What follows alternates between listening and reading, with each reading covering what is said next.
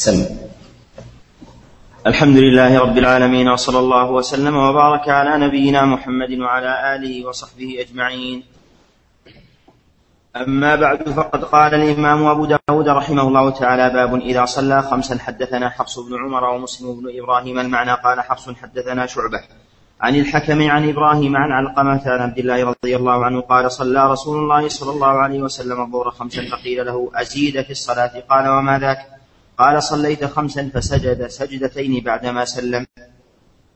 حدثنا عثمان بن أبي شيبة قال حدثنا جرير عن منصور عن إبراهيم عن علقمة قال قال عبد الله رضي الله عنه صلى رسول الله صلى الله عليه وسلم. قال إبراهيم فلا أدري زاد أم نقص فلما سلم قيل له يا رسول الله حدث في الصلاة شيء. قال وما ذاك؟ قالوا صليت كذا وكذا فثنى رجله واستقبل القبلة فسجد بهم سجدتين ثم سلم.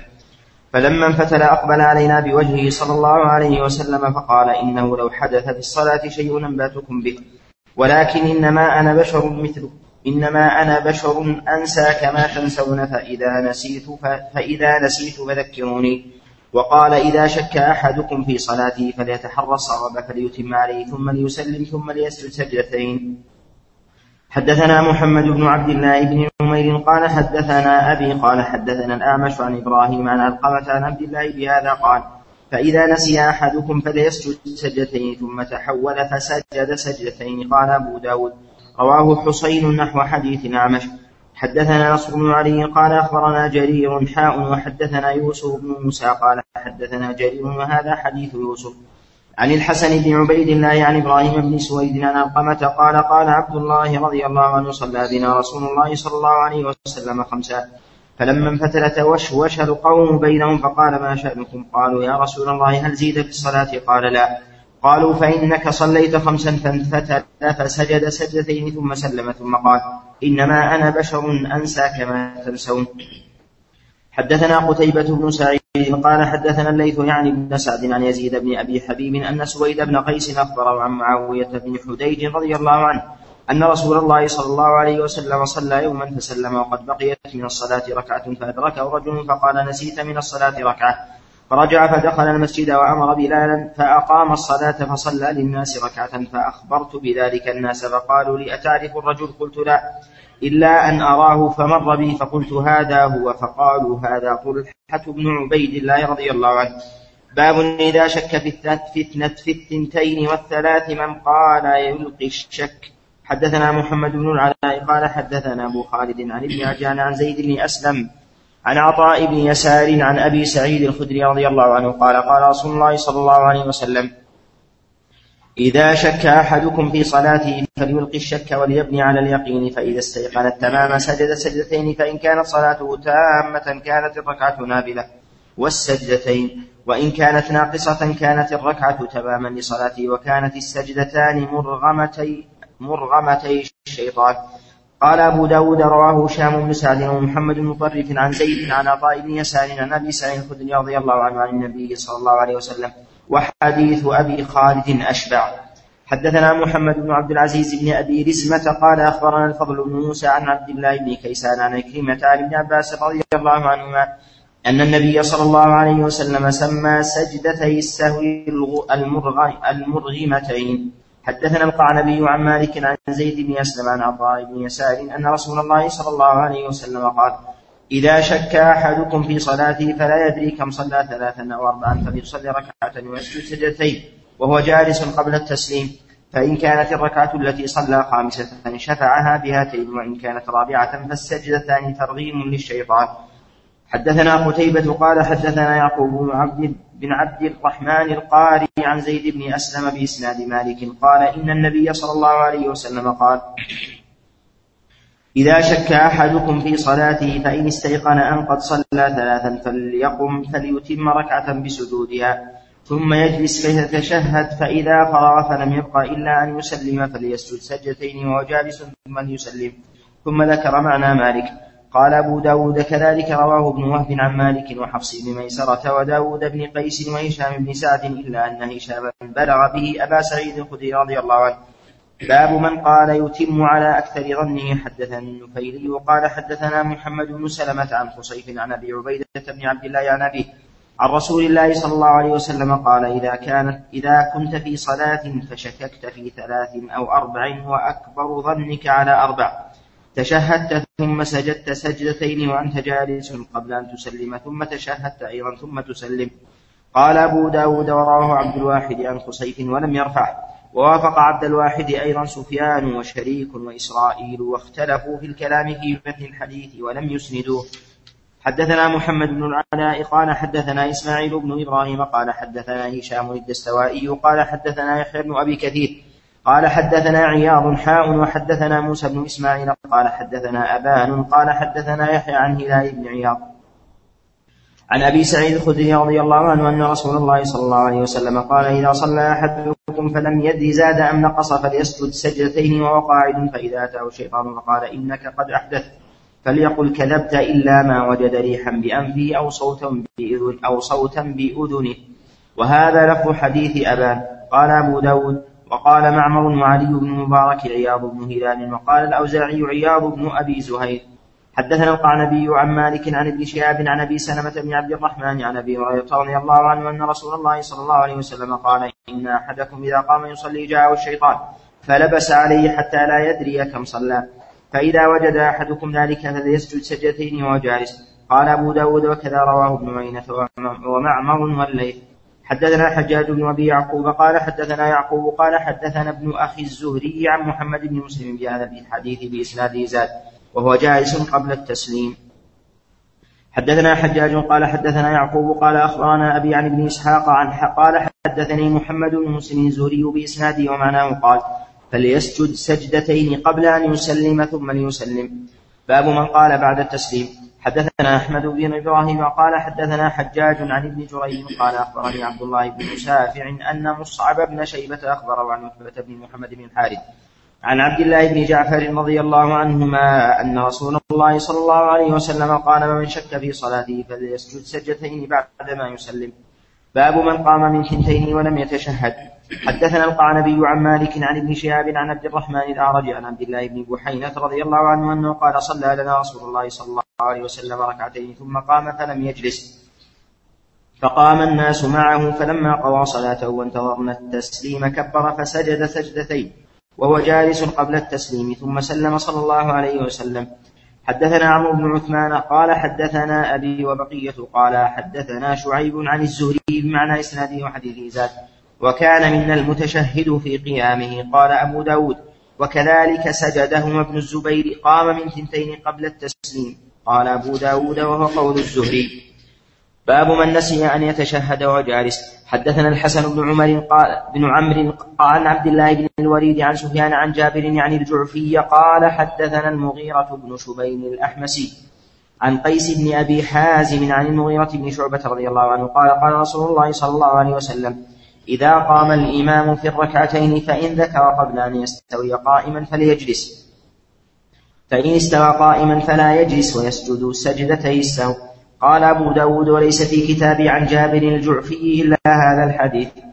حدثنا عبيد الله بن عمر الجوشامي قال حدثنا يزيد بن هارون قال أخبرنا المسعودي عن زياد بن علاقة قال صلى بنا المغيرة بن شعبة فنهض في الركعتين قلنا سبحان الله قال سبحان الله ومضى.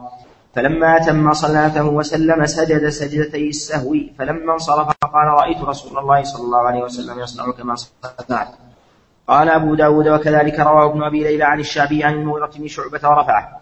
ورواه أبو عميس عن ثابت بن عبيد قال صلى بنا المغيرة بن شعبة مثل حديث زياد بن علاقة. قال أبو داود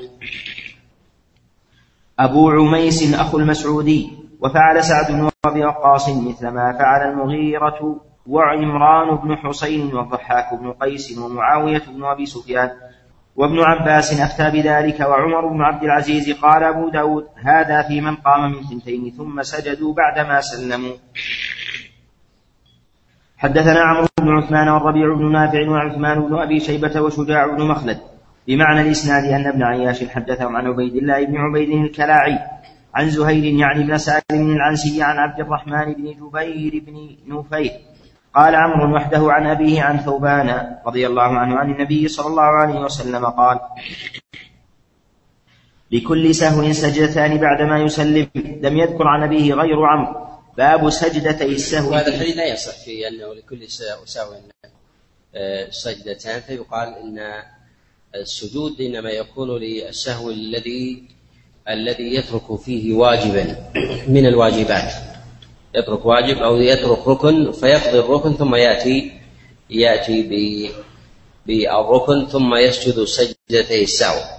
أما يقال بأن أن لكل سهو يسجد سجود السهو مطلقا ولو ترك شيئا يسيرا كترك الإنسان مثلا للذكر من التسبيح أو الدعاء الذي يكون بين السجدتين أو غير ذلك هذه ليس فيها ليس فيها سهو. وكذلك إبدال ذكر بذكر متشابه ومقارب كالذي يجعل مثلا ذكر الركوع وذكر السجود. فيقول في سجوده سبحان رب العظيم ويقول في ركوعه سبحان رب الأعلى. وهكذا نقول الأصل في هذا الاشتراك والإجزاء والأمر في ذلك يسير والأمر في ذلك في ذلك يسير. كذلك أيضا إذا قام الإنسان ولم يكبر ولم يتلفظ بالتكبير هذه سنن. هذه سنن. التكبير في الانتقال سنة. إلا للإمام إذا كان آه، وراء الإمام أناس لا يسمعون أو لا يقتدون به إلا بالتكبير فما لا يتم الواجب إلا به فهو واجب. فلا تجب بذاتها وإلا فهي فهي سنة وإلا فهي سنة. ولهذا نقول إن السهو لا يكون في ترك المستحبات في ترك المستحبات في في الصلاة. نعم. قال رحمه الله باب سجدتي السهو فيهما تشهد وتسليم. حدثنا محمد بن يحيى بن فارس قال حدثنا محمد بن عبد الله بن المثنى قال حدثني أشعث عن محمد بن سيرين عن خالد يعني الحداء عن أبي قلابة عن أبي المهلب عن عمران بن حسين رضي الله عنهما أن النبي صلى الله عليه وسلم صلى بهم فسهى فسجد سجدتين ثم تشهد ثم سلم. باب ما تس باب ما تسمى سجدتي السهو. حدثنا محمد بن عبد العزيز بن أبي رزمة قال أخبرنا الفضل بن موسى عن عبد الله بن كيسان عن كلمة عن ابن عباس رضي الله عنهما أن النبي صلى الله عليه وسلم سمى سجدتي السهو المرغمتين. باب انصراف النساء قبل الرجال من الصلاة. حدثنا محمد بن يحيى محمد بن رافع قال حدثنا عبد الرزاق قال أخبرنا معمر عن الزهري عن هند بنت الحارث عن أم سلمة رضي الله عنها قالت كان رسول الله صلى الله عليه وسلم إذا سلم مكث قليلا وكانوا يرون أن ذلك فيما ينفذ وكانوا يرون أن ذلك كيما ينفذ النساء قبل الرجال. باب كيف الانصراف من الصلاة. حدثنا أبو الوليد الطيالسي قال حدثنا شعبة عن سماك بن حرب عن قبيصة بن هلب رجل من طيب. عن أبيه أنه صلى مع النبي صلى الله عليه وسلم فكان ينصرف عن شقيه. حدثنا مسلم بن إبراهيم قال حدثنا شعبة عن سليمان عن عمارة بن عمير عن الأسود بن يزيد عن عبد الله رضي الله عنه قال لا يجعل أحدكم نصيب لا يجعل أحدكم نصيبا للشيطان من صلاته ألا ينصرف إلا عن يمينه. وقد رأيت رسول الله صلى الله عليه وسلم أكثر ما ينصرف عن شماله. قال عمارة أتيت المدينة بعد فرأيت منازل النبي صلى الله عليه وسلم عن يساره. باب صلاة الرجل التطوع في بيته. حدثنا أحمد بن محمد بن حنبل قال حدثنا يحيى عن عبيد الله قال قال أخبرني نافع عن ابن عمر رضي الله عنهما قال قال رسول الله صلى الله عليه وسلم اجعلوا في بيوتكم من صلاتكم ولا تتخذوها قبورا. حدثنا أحمد بن صالح قال حدثنا عبد الله بن وهب قال أخبرني سليمان بن بلال عن إبراهيم بن أبي النضر عن أبي عن مسلم بن سعيد عن زيد بن ثابت رضي الله عنه أن النبي صلى الله عليه وسلم قال صلاة المرء في بيته أفضل من صلاته في مسجده هذا إلا المكتوبة. باب من صلى الغير باب من صلى لغير وفي هذا دليل على أن المقابر ينهى عن الصلاة فيها. ولهذا يقول النبي صلى الله عليه وسلم ولا تتخذوها قبورا. يعني لا تجعلوا البيوت كالمقابر. لا يصلى لا يصلى فيه ذلك أنه ينبغي الانسان أن يعمر بيته بشيء من النوافل. من النوافل وذكر الله سبحانه وتعالى وشيء من العبادة. حتى لا تخلو تعمر بالملائكة وتطرد الشياطين. باب من صلى لغير القبلة ثم علم. حدثنا موسى بن إسماعيل قال حدثنا حماد عن ثابت بن حميد عن أنس أن النبي صلى الله عليه وسلم وأصحابه كانوا يصلون كانوا يصلون نحو بيت المقدس فلما نزلت هذه الآية فول وجهك شطر المسجد الحرام وحيث ما كنتم فولوا وجوهكم شطرة. فمر رجل من بني سلمة فناداهم وهم ركوع في صلاة الفجر نحو بيت المقدس ألا إن القبلة قد حولت إلى الكعبة مرتين؟ فمالوا كما هم ركوع إلى الكعبة. باب تفريع أبواب الجمعة باب فضل يوم الجمعة وليلة الجمعة. حدثنا القعنبي عن مالك عن يزيد بن عبد الله بن الهاد عن محمد بن إبراهيم عن أبي سلمة بن عبد الرحمن عن أبي هريرة رضي الله عنه قال قال رسول الله صلى الله عليه وسلم خير يوم طلعت فيه الشمس يوم الجمعة. فيه خلق فيه خلق آدم وفيه أهبط وفيه تيب عليه وفيه مات وفيه تقوم الساعة وما من دابة إلا وهي مسخية يوم الجمعة. من حين من حين تصبح حتى تطلع الشمس شفقا من الساعة. إلا الجن والإنس. وفيه ساعة لا يصادفها عبد مسلم ويصلي يسأل الله عز وجل حاجة إلا أعطاه إياها. قال كعب ذلك في كل سنة يوم فقلت بل في كل جمعة قال فقرأ كعب التوراة فقال صدق رسول الله صلى الله عليه وسلم. قال أبو هريرة. وفي هذا أن أن البهائم تدرك من أمر الآخرة ما لا يدركه بنو آدم. ولهذا البهائم تنصف يوم الجمعة ترقب الساعة. و والله عز وجل قد جعل لها نوعا من الإدراك تعرف فيه تعرف فيه الحال وكذلك أيضا تفهم فيه بعض الخطاب لا كله. ولهذا الله عز وجل يخاطبها ويكلفها ببعض التكاليف. وهذا يكون للبهائم دون بقية المخلوقات التي ليس لديها اختيار. ولهذا نقول إن مخلوقات الله عز وجل منها ما لها اختيار ومنها ما لا اختيار لها ثمة اختيار لبني آدم وهو بعد مشيئة الله عز وجل وثمة اختيار أقل للبهائم وهو دون اختيار الإنسان. تدرك فيه الحقوق التي بينها كما جاء النبي عليه الصلاة والسلام في حديث أبي هريرة قال عليه الصلاة والسلام لتؤدون الحقوق إلى أهلها وليقتصن الله من الشاة القرناء للشاة الجمة البهائم تحاسب يوم القيامة ولكن تحاسب في الحقوق التي بينها فقط ولا تحاسب في التكاليف الأخرى. ثم بعد ذلك الله عز وجل يقضي أمرها بأن تكون ترابا. وأما من جهة العبادات فحالها بالإذعان لا تخالف فإنها كحال الجمادات تسبح بحمد الله سبحانه وتعالى. إذا لديها نوع تكليف وهو مسألة الحقوق التي تكون بين بين البهاء فيختص الله عز وجل. يرتقي الإنسان في هذا من جهة التكليف ويكون تكليفه أعظم من تكليف البهائم فلديه اختيار في جوانب آخر من أخر من أمور العبادة من أمور العبادة. وإذا حضر اختيار الإنسان حضر الحساب عليه. وإذا ضعف ذهب الحساب الحساب عنه. ومشيئته بعد مشيئة الله بعد مشيئة الله سبحانه وتعالى. وهذه المسألة ما, ما يتفرع عنها بعض لوازمها ما يتعلق بمسائل القدر وخلاف آه وخلاف الناس في هذا في هذا الباب. وذلك أيضا في نفي في نفاة القدر الذين ينفونه تعظيما لله عز وجل أن الله يقدر على عبده شيئا من الأمور والذنوب. ثم يحاسبه الله عز وجل عليها. نقول إن الله عز وجل يقدر على عبده شيئا ويجعل له اختيارا ويجعل له ويجعل له اختيارا فهو يعلم ماذا يفعل الإنسان وذلك لسعة علمه وكماله. فإذا وجد اختيار الإنسان عليه يحاسب وإذا غاب اختيار الإنسان لا يحاسب وذلك كحال الإنسان النائم النائم إذا سقط شيء ثم ثم أفسده فإنه لا يحاسب عند الله سبحانه وتعالى كحال الحجر والسيل الذي يمضيه الله عز وجل ثم ثم يتلف شيئا. لا يجري عليه شيء من الحساب والعقاب. فإذا استيقظ وجد لديه إدراك فإن إدراكه حينئذ هو الذي يكون عليه هو الذي يكون عليه الحساب ويعاقبه الله عز وجل عليه. وهذا هو الفيصل بين أهل السنة والأثر وبين أهل البدع في هذا في هذا الباب. نعم. قال أبو هريرة رضي الله عنه ثم لقيت عبد الله بن سلام تحدثت بمجلسي مع كعب. فقال عبد الله بن سلام قد علمت أية ساعة هي؟ قال أبو هريرة فقلت له فأخبرني بها. فقال عبد الله بن سلام هي آخر ساعة من يوم الجمعة.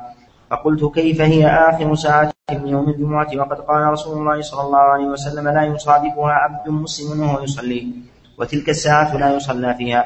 فقال عبد الله بن سلام ألم يقل رسول الله صلى الله عليه وسلم من جلس مجلسا ينتظر الصلاة فهو في صلاة حتى يصلي قال فقلت بلى قال هو ذاك حدثنا هارون بن عبد الله قال حدثنا حسين بن علي عن عبد الرحمن بن يزيد بن جابر عن ابي الأشعث الصنعاني عن أوس بن أوس رضي الله عنه قال قال رسول الله صلى الله عليه وسلم إن من أفضل أيامكم يوم الجمعة فيه خلق آدم وفيه قبض وفيه النفخة وفيه الصاقة فأكثروا علي من الصلاة فيه فإن صلاتكم معروضة علي قال قالوا يا رسول الله وكيف تعرض صلاتنا عليك وقد علمت؟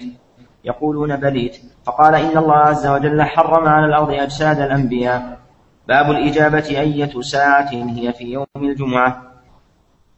حدثنا أحمد بن صالح قال حدثنا ابن وهب قال أخبرني عمرو يعني ابن الحارث أن الجلاح مولى عبد العزيز حدثه.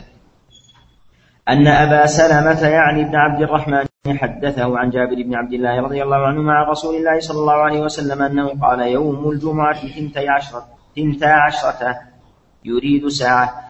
لا يوجد مسلم يسأل الله عز وجل شيئا إلا آتاه الله عز وجل فالتمسها آخر ساعة بعد العصر. حدثنا أحمد بن صالح قال حدثنا ابن وهب قال أخبرني مخرامة يعني ابن, يعني ابن بكير عن أبيه عن أبي بردة بن أبي موسى الأشعري قال قال لي عبد الله بن عمر أسمعت أباك يحدث عن رسول الله صلى الله عليه وسلم في شأن الجمعة عن الساعة. قال قلت نعم سمعته يقول سمعت رسول الله صلى الله عليه وسلم يقول هي ما بين أن يجلس الإمام إلى أن تقضى الصلاة؟ قال أبو داود يعني على المنبر. باب فضل الجمعة. حدثنا مسدد قال حدثنا أبو معاوية عن الأعمش عن أبي صالح عن أبي هريرة رضي الله عنه قال قال رسول الله صلى الله عليه وسلم من توضأ فأحسن الوضوء ثم أتى الجمعة فاستمع وأنصت. غفر له ما بينه وبين غفر له ما بين الجمعة إلى الجمعة وزيادة ثلاثة أيام ومن مس الحصى فقد لغى. حدثنا إبراهيم بن موسى قال أخبرنا عيسى قال حدثنا عبد الرحمن بن يزيد بن جابر قال حدثني عطاء الخرساني عن مولى عن عن مولى امرأته أم عثمان.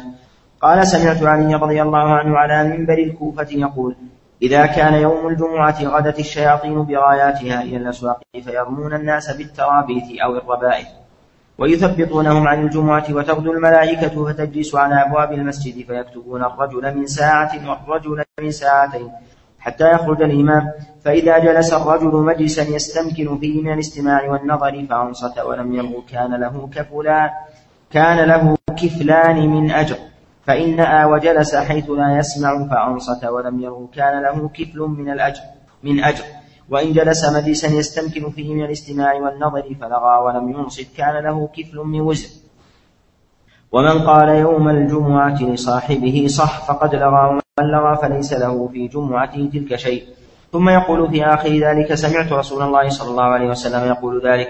قال أبو داود رواه الوليد بن مسلم عن ابن جابر قال بالربائث وقال مولى امرأتي أم عثمان بن عطاء. باب التشديد في ترك الجمعة حدثنا مسدد قال حدثنا يحيى عن محمد بن عمرو قال حدثني عبيدة بن سفيان الحضرمي عن أبي الجعد الضمري. وكانت مضمومة؟ عبيدة نعم كان عندي. نعم. بالفتح. سلم. عن أبي الجعد الضمري وكانت له صحبة أن رسول الله صلى الله عليه وسلم قال من ترك ثلاث جمع تهاونا بها طبع الله على قلبه. باب كفارة من تركها. حدثنا الحسن بن علي قال حدثنا يزيد بن هارون قال أخبرنا همام قال حدثنا قتادة عن قدام عن قدامة بن وبرة بن وبرة العجيفي عن سمرة بن جندب رضي الله عنه عن النبي صلى الله عليه وسلم قال من ترك الجمعة من غير عذر فليتصدق بدينار فإن لم يجد فبنصف دينار. قال أبو داود هكذا رواه خالد بن قيس وخالفه بالإسناد ووافقه في المتن حدثنا محمد بن سليمان الأنباري قال ولا يسعى النبي عليه الصلاة والسلام في كفارة ترك الجمعة إلا التوبة والاستغفار والإتيان بها فيما يستقبل.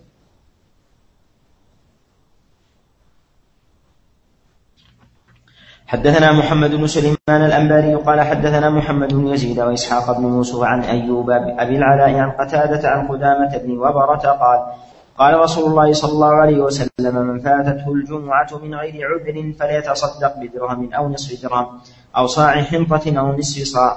قال أبو داود رواه سعيد بن بشير عن قتادة هكذا إلا أنه قال مدا أو نصف مد وقال عن سمرة. قال أبو داود سمعت أحمد بن حنبل يسأل عن اختلاف هذا الحديث فقال همام عندي أحفظ من أيوب يعني أبا العلاء. باب من تجب عليه الجمعة. وحدثنا أحمد بن صالح قال حدثنا ابن وهب قال أخبرني عمرو عن عبيد الله بن أبي جعفر أن محمد بن جعفر حدثه عن عروة بن الزبير عن عائشة زوج النبي صلى الله عليه وسلم أنها قالت كان الناس ينتابون الجمعة من منازلهم ومن العوالي حدثنا محمد بن يحيى بن فارس قال حدثنا قبيصة قال حدثنا سفيان عن محمد بن سعيد عن الطائفي. عن أبي سلمة بن نبيه عن عبد الله بن هارون عن عبد الله بن عمرو عن النبي صلى الله عليه وسلم قال الجمعة على من سمع النداء قال أبو داود روى هذا الحديث جماعة عن سفيان مقصورا عن عبد الله بن عمرو لم يرفعوا وإنما أسنده قبيصة باب الجمعة في اليوم المطير حدثنا محمد بن كثير قال أخبرنا همام عن قتادة عن أبي مليح عن أبيه أن يوم حنين كان يوم مطر. فأمر النبي صلى الله عليه وسلم مناديه أن الصلاة في الرحال. حدثنا محمد بن المثنى قال حدثنا عبد الأعلى قال حدثنا سعيد عن صاحب الله عن أبي مليح أن ذلك كان يوم جمعة. حدثنا نصر بن علي قال, سفي... قال سفيان بن حبيب خبرنا عن خالد الحداء عن أبي قلابة عن أبي المليح عن أبيه أنه شهد النبي صلى الله عليه وسلم زمن الحديبية في يوم جمعة وأصابهم مطر لم تبتل أسفل نعالهم فأمرهم أن يصلوا في رحالهم باب التخلف عن والنداء للصلاة في الرحال أكد من الجمع من الجمع في المطر وذلك لثبوت الصلاة في الرحال عن النبي صلى الله عليه وسلم في غير ما حديث ولم يثبت عن النبي صلى الله عليه وسلم النص أنه جمع في المطر أنه جمع في المطر لكن جاء عن عمر بن الخطاب عليه رضوان الله أنه جمع في المطر ولكن إسناده منقطع جاء من حديث صفوان بن سليم عن عمر بن الخطاب وصفوان لم يسمع من عمر بن الخطاب شيئا. وثابت عن النبي عليه الصلاة والسلام الأمر في أمر المؤذن أن ينادي الصلاه الصلاة في الرحال كما جاء في ذلك في جملة من الأحاديث عن رسول الله صلى الله عليه وسلم ومنها ما هو في الصحيح. لهذا نقول اذا نزل المطر فإن المؤذن ينادي أن الصلاة في الرحال إلا إذا اجتمع الناس. إذا اجتمع الناس في المسجد فإنه يصلي ويجمع ويجمع بهم. نعم. باب التخلف عن الجماعة في الليلة الباردة. حدثنا محمد بن عبيد قال حدثنا حماد بن.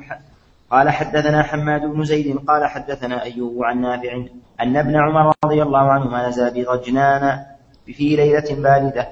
فأمر المنادي فنادى أن الصلاة في الرحال. قال أيوب وحدث نافع عن ابن عمر رضي الله عنهما أن رسول الله صلى الله عليه وسلم كانت كان إذا كانت ليلة باردة أو مطيرة أمر المنادي فنادى الصلاة في الرحال. حدثنا مؤمل بن هشام قال حدثنا إسماعيل عن أيوب عن نافع قال نادى ابن عمر بالصلاة بغجنان ثم نادى أن صلوا في رحالكم قال فيه ثم حدث عن رسول الله صلى الله عليه وسلم أنه كان يأمر المنادي فينادي بالصلاة ثم ينادي أن صلوا في رحالكم في ليلة الباردة وفي الليلة المطيرة في السفر. قال أبو داود ورواه حماد بن سلمة عن أيوب وعبيد الله قال فيه في السفر في الليلة القرة أو المقدرة حدثنا عثمان بن أبي شيبة قال حدثنا أبو أسامة عن عبيد الله عن نافع عن ابن عمر رضي الله عنهما أنه نادى بالصلاة بغجنان في ليلة ذات برد وريح. فقال في آخر فقال في آخر ندائه ألا صلوا في رحالكم ألا صلوا في الرحال؟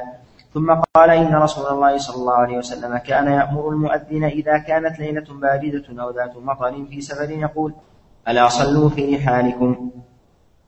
حدثنا القعنبي عن مالك عن نافع أن ابن عمر يعني أذن بالصلاة في ليلة ذات برد وريح فقال ألا صلوا في الرحال. ثم قال إن رسول الله صلى الله عليه وسلم كان يأمر المؤذن إذا كانت ليلة باردة أو ذات مطر يقول ألا صلوا في الرحال؟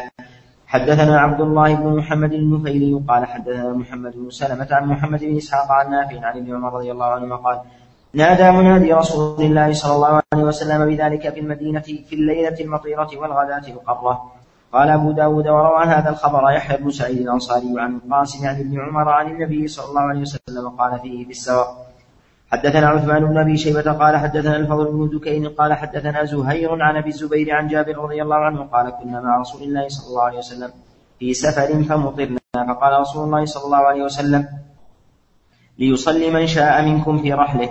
حدثنا مسدد قال حدثنا إسماعيل قال أخبرني عبد الحميد صاحب الزيادي قال حدثنا عبد الله بن الحارث بن عم محمد بن سيرين أن ابن عباس رضي الله عنهما قال لمؤذن في يوم مطير إذا قلت أشهد أن محمد رسول الله فلا تقل حي على الصلاة قل صلوا في بيوتكم. فكأن الناس استنكروا ذلك فقال قال قد فعل ذا من هو خير مني إن الجمعة عزمة وإني كرهت أن, أحر أن أحرجكم فتمشون في الطين والمطر.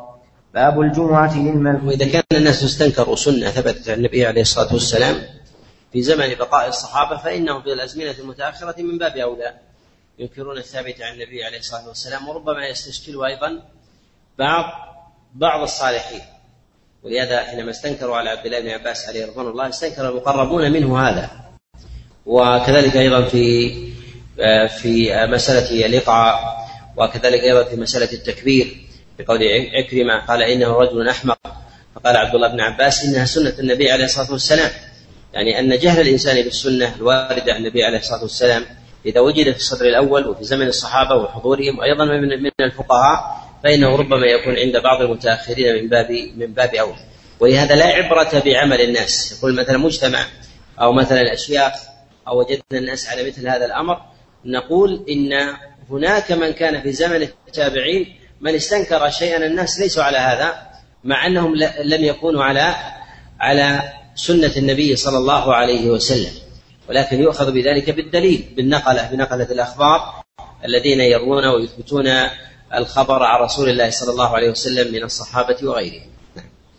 باب الجمعة للمملوك والمرأة. حدثنا عباس بن عبد العظيم قال حدثنا إس قال حدثني إسحاق بن منصور قال حدثنا هريم عن إبراهيم بن محمد بن المنتشر عن قيس بن مسلم عن طارق بن شهاب رضي الله عنه عن النبي صلى الله عليه وسلم قال الجمعة حق واجب على كل مسلم في جماعة إلا أربعة عبد مملوك أو امرأة أو صبي أو مريض. قال أبو داود طارق بن شهاب قد رأى النبي صلى الله عليه وسلم يسع منه شيئا. باب الجمعة في القرى. حدثنا عثمان بن أبي شيبة ومحمد بن عبد الله المخر المخرمي. لفظه قال حدثنا وكيع عن إبراهيم بن طهمان عن أبي جمرة عن ابن عباس رضي الله عنهما قال إن أول جمعة جمعت في الإسلام بعد جمعة بعد جمعة جمعت في مسجد رسول الله صلى الله عليه وسلم بالمدينة. لجمعة جمعت بجواثاء قرية من قرى البحرين. قال عثمان قرية من قرى عبد القيس. حدثنا قتيبة بن سعيد قال حدثنا ابن إدريس عن محمد بن إسحاق عن محمد بن أبي أمامة بن سهل عن أبيه. عن عبد الرحمن بن كعب بن مالك وكان قائد أبيه بعدما ذهب بصره عن أبي كعب بن مالك رضي الله عنه أنه كان أنه كان إذا سمع النداء يوم الجمعة ترحم لأسعد بن زرارة فقلت له إذا سمعت النداء ترحمت لأسعد بن زرارة. قال لأنه أول من جمع بنا في هزم النبيت من حرة بني بياضة في نقيع يقال له نقيع الخضمات. قلت كم كنتم كم أنتم يومئذ؟ قال أربعون. باب إذا وافق يوم الجمعة يوم عيد حدثنا محمد بن كثير قال أخبرنا إسرائيل قال حدثنا عثمان بن المغيرة عن إياس بن أبي رملة الشامي. قال شهدت معاوية بن أبي سفيان رضي الله عنهما وهو يسأل زيد بن أرقم رضي الله عنه قال شهدت مع رسول الله صلى الله عليه وسلم عيدين اجتمعا في يوم. قال نعم. قال فكيف صنع؟ قال صلى العيد ثم رخص في الجمعة فقال من شاء أن يصلي فليصل حدثنا محمد بن طريف البجري قال حدثنا أسباط عن الأعمش عن عطاء بن أبي رباح قال صلى بنا ابن الزبير في يوم عيد في يوم جمعة أول النار ثم رحنا إلى الجمعة فلم يخرج إلينا فصلينا وحدانا وكان ابن عباس رضي الله عنهما بالطائف.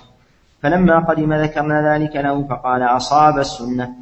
حدثنا يحيى بن خلف قال حدثنا أبو عاصم عن ابن جريج قال قال عطاء اجتمع يوم جمعة ويوم فطر على عهد ابن الزبير فقال عيدان اجتمعا في يوم واحد فجمعهما جميعا فصلاهما ركعتين بكرة لم يزد عليهما حتى صلى العصر. حدثنا محمد بن مصفى وعمر بن حفص الوصابي الوصابي المعنى قال حدثنا بقية قال حدثنا شعبة عن المغيرة الضبي عن عبد الله العزيز بن رفيع عن أبي صالح عن أبي هريرة رضي الله عنه عن رسول الله صلى الله عليه وسلم أنه قال قد اجتمع في يومكم هذا عيدان فمن شاء أجزأه من الجمعة وإنا مجمعون قال عمر عن شعبة. باب ما يقرأ في صلاة الصبح يوم الجمعة. حدثنا مسدد قال حدثنا أبو عوانة عن مخول بن راشد عن مسلم البطين عن سعيد بن جبين عن ابن عباس رضي الله عنهما أن رسول الله صلى الله عليه وسلم كان يقرأ في صلاة الفجر يوم الجمعة تنزيل السجدة. وهل أتى على الإنسان حين من الدهر؟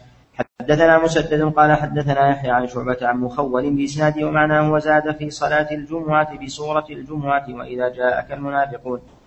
باب اللبس للجمعة حدثنا القعنبي عن مالك عن نافع عن عبد الله بن عمر أن عمر بن الخطاب رأى حلة سيرا. يعني تباع عند باب المسجد. فقال يا رسول الله لو اشتريت هذه فلبستها يوم الجمعة وللوفد إذا قدموا عليك فقال رسول الله صلى الله عليه وسلم إنما يلبس هذه من لا خلاق له في الآخرة. ثم جاءت ثم جاءت رسول الله صلى الله عليه وسلم منها حلل فأعطى عمر بن الخطاب منها حلة. فقال عمر يا رسول الله كسوتنيها وقد قلت في حلة عطارد ما قلت. فقال رسول الله صلى الله عليه وسلم إني لم أكسكها لتلبسها فكساها عمر أخا له مشركا بمكة. حدثنا أحمد بن صالح قال حدثنا ابن وهب قال أخبرني يونس وفي هذا جواز الهدية للكافر. أن يهدي الإنسان له هدية يعني تأليفا لقلبه. وجواز أيضا أن يهدي الهدية أيضا له ولو كان ولو كان حربيا. إذا كان ذلك تأليفا لقلبه شريطة التأليف. لا يعطي الهدية إذا كان محاربا إكراما إكراما له أو تقوية له ولكن لتأليف قلبه. حدثنا أحمد بن صالح قال حدثنا ابن وهب قال أخبرني يونس وعمرو بن الحارث عن ابن شهاب عن سالم عن أبيه. قال وجد عمر بن الخطاب حلة حلة استبرق تباع بالسوق فأخذها فأتى بها رسول الله صلى الله عليه وسلم. فقال ابتع هذه تجمل بها للعيد وللوفود. ثم ساق الحديث والأول أتم حدثنا أحمد بن صالح قال حدثنا ابن وهب قال أخبرني عمرو أن يحيى بن سعيد الأنصاري حدثه أن محمد بن يحيى بن حبان حدثه أن رسول الله صلى الله عليه وسلم قال ما على أحدكم إن وجد أو ما على أحدكم إن وجدتم أن يتخذ ثوبين ليوم الجمعة سوى ثوبي مهنته. قال عمرو وأخبرني ابن أبي حبيب عن موسى بن سعد عن ابن حبان عن ابن سلام أنه سمع رسول الله صلى الله عليه وسلم يقول ذلك على المنبر. قال أبو داود رواه وهب بن جرير عن أبيه عن يحيى بن أيوب عن يزيد بن أبي حبيب عن موسى بن سعد عن يوسف بن عبد الله بن سلام عن النبي صلى الله عليه وسلم. باب التحلق يوم الجمعة قبل الصلاة. حدثنا مسدد قال حدثنا يحيى عن ابن عجان عن عبد بن شعيب عن أبي عن جدي أن رسول الله صلى الله عليه وسلم نهى عن الشراء والبيع في المسجد. وأن تنشد فيه ضالة وأن ينشد فيه شعر ونهى عن التحلق قبل الصلاة يوم الجمعة. باب في اتخاذ المنبر. حدثنا قتيبة بن سعيد قال حدثنا يعقوب. يعني التحلق قبل الصلاة يوم الجمعة وذلك للتدارس حتى لا ينشغل الناس عن حظ الجمعة. فإن الإنسان إذا عقد مجلسا قبل صلاة الجمعة فإنه تزهد النفس في تحصيل ما يقوله خطيب الجمعة. فكان الناس يكتفون في ذلك. لهذا كان المحدثون كما نقل مكحول آه، أنهم أنهم كانوا لا يحدثون يوم الجمعة كما نقله ابن عساكر كما نقله ابن عساكر عنه. نعم. حدثنا قتيبة بن سعيد قال جاء في ذلك أثر قد رواه الحاكم في كتاب المستدرك عن أبي هريرة عليه رضوان الله وهو أعلى شيء في الباب. يعني في الموقوف على الصحابة. نعم. حدثنا قتيبة بن سعيد قال حدثنا يعقوب بن عبد الرحمن بن محمد بن عبد الله بن عبد القاري القرشي قال حدثني أبو حازم بن دينار أن رجالا أتوا سهل بن سعد الساعدي وقد امتروا في المنبر من معوده فسألوا عن ذلك فقال والله إني لا أعرف مما هو ولقد رأيته أول يوم وضع وأول يوم جلس عليه رسول الله صلى الله عليه وسلم. أرسل رسول الله صلى الله عليه وسلم إلى فلانة امرأة قد سماها سهل أن مري غلامك النجار أن يعمل لي أعوادا أجلس عليهن إذا كلمت الناس. فأمرته فعملها من طرفاء الغابة ثم جاء بها فأرسلته إلى رسول الله صلى الله عليه وسلم. فأمر بها فوضعت ها هنا فرأيت رسول الله صلى الله عليه وسلم صلى عليها وكبر عليها ثم ركع عليها ثم نزل القهقرى فسجد في أصل المنبر ثم عاد فلما فرغ أقبل على الناس فقال أيها الناس إنما صلاة هذا لتأتموا بي ولتعلموا صلاتي. حدثنا الحسن بن علي قال حدثنا أبو عاصم عن ابن أبي رواد عن نافع عن ابن عمر رضي الله عنهما أن النبي صلى الله عليه وسلم قال أن النبي صلى الله عليه وسلم لما بدن قال له تميم الداري ألا أتخذ لك منبرا يا رسول الله يجمع أو يحمل عظامك قال بلى فاتخذ له منبرا مرقاتين. وجاء في الصحيح أن النبي عليه الصلاة والسلام لما ترك الجدع و... وصعد على المنبر الذي صنع له من خشب من أثل الغابة حن الجذع كما تحن العشار يعني لرسول الله صلى الله عليه وسلم. قال فقال فنزل النبي عليه الصلاة والسلام فضمه إليه حتى سكن. وفي هذا ضم المفزوع سواء كان ولد أو زوجة أو خادم وأن النبي عليه الصلاة والسلام في ضمه للجماد فإن ضم المفزوع أو المحزون من باب من باب أولى من من البشر فإن في ذلك تسكين وتلطيف وتلطيف له. وهذا من رحمته صلى الله عليه وسلم مع رحمته عليه الصلاة والسلام في في بني آدم وكذلك في البهائم. إلا أن رحمته عليه الصلاة والسلام تعدت إلى إلى الجمادات. نعم. نعم. أحسن الله إليكم. وبأسانيدكم إليه رحمه الله تعالى باب موضع المنبر. حدثنا مخلد بن خالد قال حدثنا أبو عاصم عن يزيد بن أبي عبيد عن سلمة قال كان بين منبر رسول الله صلى الله عليه وسلم وبين الحائط كقدر ممر الشاة. باب الصلاة يوم الجمعة. قبل الزوال حدثنا محمد بن عيسى قال حدثنا حسن بن إبراهيم عن ليث عن مجاهد عن أبي الخليل عن أبي قتادة عن النبي صلى الله عليه وسلم أنه كره الصلاة نصف النهار إلا يوم الجمعة وقال إن جهنم تسجر إلا يوم الجمعة. قال أبو داود وهو مرسل مجاهد أكبر من أبي الخليل وأبو الخليل لم يسمع من أبي قتادة. باب وقت الجمعة. حدثنا الحسن بن علي قال حدثنا زيد بن الحباب قال حدثني فليح بن سليمان قال حدثني عثمان بن عبد الرحمن التيمي قال سمعت أنس بن مالك رضي الله عنه يقول كان رسول الله صلى الله عليه وسلم يصلي الجمعة إذا مالت الشمس. حدثنا أحمد بن يونس قال حدثنا يعلى بن الحارث قال سمعت إياس بن سلمة بن الأكوع يحدث عن أبيه قال كنا نصلي مع رسول الله صلى الله عليه وسلم الجمعة ثم ننصرف وليس للحيطان فيء. حدثنا محمد بن كثير قال أخبرنا سفيان عن ابي حازم عن سهل بن سعد قال كنا نقيل ونتغدى بعد الجمعة. باب النداء يوم الجمعة. حدثنا محمد بن سلمة المرادي قال حدثنا ابن وهب عن يونس عن ابن شهاب قال أخبرني السائب بن يزيد أن الأذان كان أوله حين يجلس الإمام على المنبر يوم الجمعة في عهد النبي صلى الله عليه وسلم وأبي بكر وعمر فلما كان خلافة عثمان وكثر الناس ومر عثمان يوم الجمعة بالأذان الثالث فأذن به على الزوراء فثبت الأمر على ذلك. حدثنا النفيلي قال حدثنا محمد بن سلمة عن محمد بن إسحاق عن الزهري عن السائب بن يزيد قال كان يؤذن بين يدي رسول الله صلى الله عليه وسلم إذا جلس على المنبر يوم الجمعة على باب المسجد وأبي بكر وعمر, وعمر ثم ساق نحو حديث يونس. حدثنا هناد بن السري قال حدثنا عبدة عن محمد يعني بن إسحاق عن الزهري عن السائب قال لم يكن لرسول الله صلى الله عليه وسلم إلا مؤذن واحد بلال ثم ذكر معنا. حدثنا محمد بن يحيى بن فارس قال حدثنا يعقوب بن إبراهيم بن سعد قال حدثنا أبي عن صالح عن ابن شهاب أن السائب بن يزيد أن أن السائب بن يزيد بن أخت نمر أخبره قال ولم يكن لرسول الله صلى الله عليه وسلم غير مؤذن واحد وساق هذا الحديث وليس بتمامه باب الإمام يكل باب الإمام يكلم الرجل في خطبته حدثنا يعقوب بن كعب الأنطاكي قال حدثنا مخلد بن يزيد قال حدثنا ابن جريج عن عطاء عن جابر قال لما استوى رسول الله صلى الله عليه وسلم يوم الجمعة قال اجلسوا. فسمع ذلك ابن مسعود فجلس على باب المسجد فرآه رسول الله صلى الله عليه وسلم فقال تعالى يا عبد الله بن مسعود. قال أبو داود هذا هذا يعرف مرسل وإنما رواه الناس عن عطاء عن النبي صلى الله عليه وسلم ومخلد هو شيخ باب الجلوس إذا صعد المنبر. حدثنا محمد بن سليمان الأنباري قال حدثنا عبد الوهاب يعني ابن عطاء عن العمري عن نافع عن ابن عمر قال كان النبي صلى الله عليه وسلم يخطب خطبتين كان يجلس إذا صعد المنبر حتى يفرغ. أراه قال المؤذن ثم يقوم فيخطب ثم يجلس فلا يتكلم ثم يقوم فيخطب. باب خطبتي الجمعة ركن.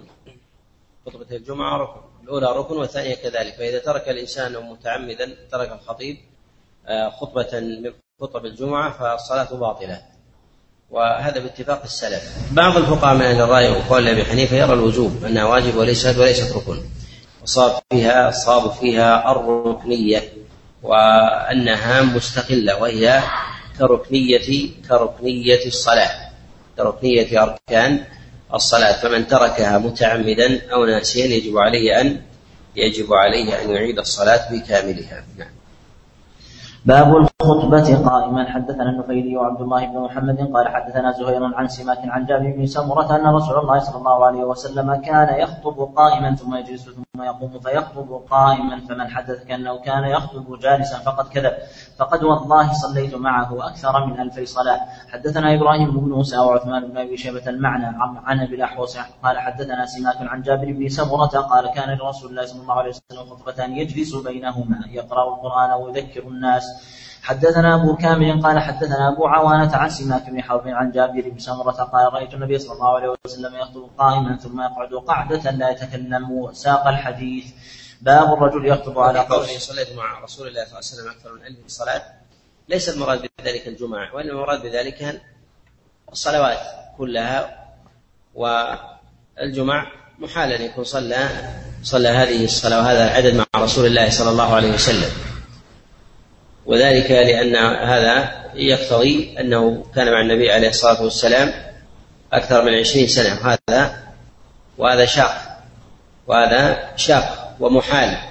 وإن أيضا شريعة صلاة الجمعة إنما جاءت النبي عليه الصلاة والسلام متأخرة. وهذه الأرقام إنما تذكر من باب إما تكون مبالغة لشدة قربه من النبي عليه الصلاة والسلام ومعرفته بحاله أو يراد بذلك جميع الصلوات.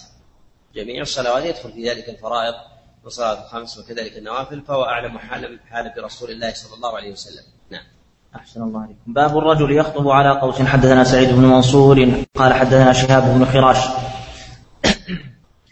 قال حدثني شعيب بن زريق الطائفي قال جلست إلى رجل له صحبة من رسول الله صلى الله عليه وسلم يقال له الحكم بن حزن الكلفي فأنشأ يحدثنا قال وفدت إلى رسول الله صلى الله عليه وسلم سابع سبعة أو تاسعة تسعة فدخلنا عليه فقلنا يا رسول الله زرناك فادعوا الله لنا بخير فأمر بنا وأمر لنا بشيء من التمر والشأن إذ ذاك دون فأقمنا بها أياما شهدنا فيها الجمعة مع رسول الله صلى الله عليه وسلم فقام متوكئا على عصا القوس فحمد الله وأثنى عليه كلمات خفيفات طيبات مباركات ثم قال أيها الناس إنكم لن تطيقوا أو لن تفعلوا كل ما أمرتم به ولكن سددوا وابشروا.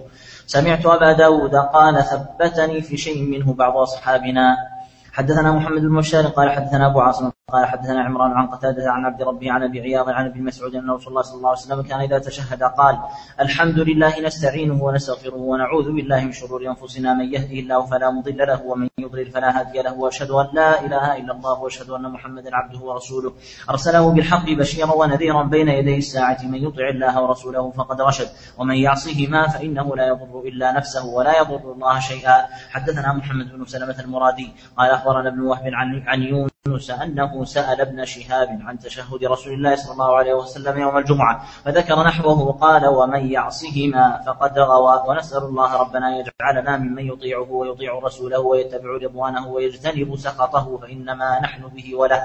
حدثنا مسدد قال حدثنا يحيى عن سفيان بن سعيد قال حدثني عبد العزيز بن رفيع عن تميم الطائي عن عدي بن حاتم أن خطيبا خطب عند النبي صلى الله عليه وسلم فقال من يطع الله ورسوله ومن يعصهما فقال قم أو اذهب بئس الخطيب. حدثنا محمد بن بشار قال حدثنا محمد بن جعفر قال حدثنا شعبة عن خبيب عن عبد الله بن محمد بن معنى عن بنت حارث بن وقيل المراد بذلك هو أنه قرن النبي صلى الله عليه وسلم مع, مع الله سبحانه وتعالى وذلك أن الله عز وجل يقرن في كتابه ما شاء. والله عز وجل قرن طاعة نبيه بطاعته عليه الصلاة بطاعته سبحانه وتعالى ومعصية نبيه بمعصيته سبحانه وتعالى. ومن هذا يأخذ بعض العلماء كراهة قرن كتابة اسم النبي عليه الصلاة والسلام مع ربه جل وعلا إلا إلا في سياق يحتاج إليه. ولهذا الذي يكتب في الألواح أو في المجالس الله بجوارها محمد ونحو هذا هذا من الغلو هذا من الغلو. أو يوضع مثلا في في الأبواب وعلى السيارات على مستوى واحد. يكون متجاورة الله ثم محمد أو نحو ذلك فلا. أما إذا كان الأمر في ذلك لبيان حكم شرعي فجائز. كان يقول الإنسان لا إله إلا الله محمد رسول الله. فهذا يريد أن يبين يبين هذا الأمر أن محمد إنما هو مبعوث من ربه سبحانه وتعالى. فهو بيان لمنزلته عند ربه. فمنزلة النبي صلى الله عليه وسلم إنما ظهرت لمقام الله لمقام لوضع الله عز وجل له بمثل هذا المقام. أما أن يذكر هكذا تذكر هذه الأسماء هكذا فهذا مما مما ينهى عنه. عن بنت الحارث بن النعمان قالت ما حفظت قاف إلا من في رسول الله صلى الله عليه وسلم يخطب بها كل جمعة. قالت وكانت النور رسول الله صلى الله عليه وسلم وتنورنا واحدا. قال أبو داود قال روح بن عبادة عن شعبة. قال بنت بنت حارثة بن بنت حارثة بن النعمان وقال ابن إسحاق أم هشام بنت حارثة بن النعمان. حدثنا مسدد قال حدثنا يحيى عن سفيان قال حدثني سماك عن جابر بن سمرة قال كان كانت صلاة رسول الله صلى الله عليه وسلم قصدا وخطبته قصدا يقرأ آيات من القرآن ويذكر الناس. حدثنا محمود بن خالد قال حدثنا مروان قال حدثنا سليمان بن بلال عن يحيى بن سعيد عن عمرة عن أختها قالت ما أخذت قاف إلا من في رسول الله صلى الله عليه وسلم كان يقرأها في كل جمعة.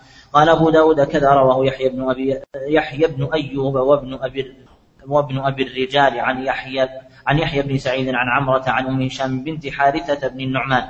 حدثنا ابن السرح قال أخبرنا ابن وهب قال أخبرني قال أخبرني يحيى بن أيوب عن يحيى بن سعيد عن عمرة عن أخت لعمرة بنت عبد الرحمن كانت أكبر منها بمعناه. والدليل دل على أنه صلى الله عليه وسلم يقرأ سورة قاف في في خطبة الجمعة. و يظهر أن النبي عليه الصلاة والسلام لم يكن يكتفي بذلك وإنما كان النبي عليه الصلاة والسلام يفتتح الخطبة بما يفتتح به وذلك من الحمد لله وكذلك أيضا من الوصية بتقوى الله عز وجل. ثم يقرأ النبي عليه الصلاة والسلام. فإذا قرأ الإنسان السورة في آه، خطبة الجمعة كفته عن أي شيء آخر. وإذا افتتح بما يفتتح به النبي عليه الصلاة والسلام عادة فإذا قرأها وقسم على الخطبتين حسن.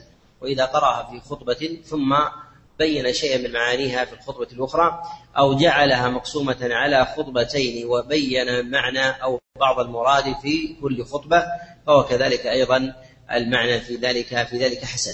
ولكن الذي يظهر أن النبي عليه الصلاة والسلام ما كان يقرأ الآية ثم يبين معناها بل كان يسرد النبي عليه الصلاة والسلام الذي يريد منها ثم إن كان ثمة شيء فيورد بعد بعد ذلك.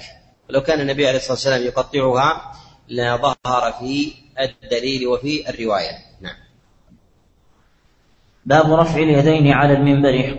قال حدثنا أحمد بن يونس قال حدثنا زائدة عن حسين بن عبد الرحمن قال رأى عمارة بن رويبة بشر بن مروان وهو يدعو في, في يوم الجمعة فقال عمارة قبح الله هاتين اليدين. قال زائدة قال حسين حدثني عمارة قال لقد رأيت رسول الله صلى الله عليه وسلم وهو على المنبر ما يزيد على هذه يعني السبابة التي تلي الإبهام.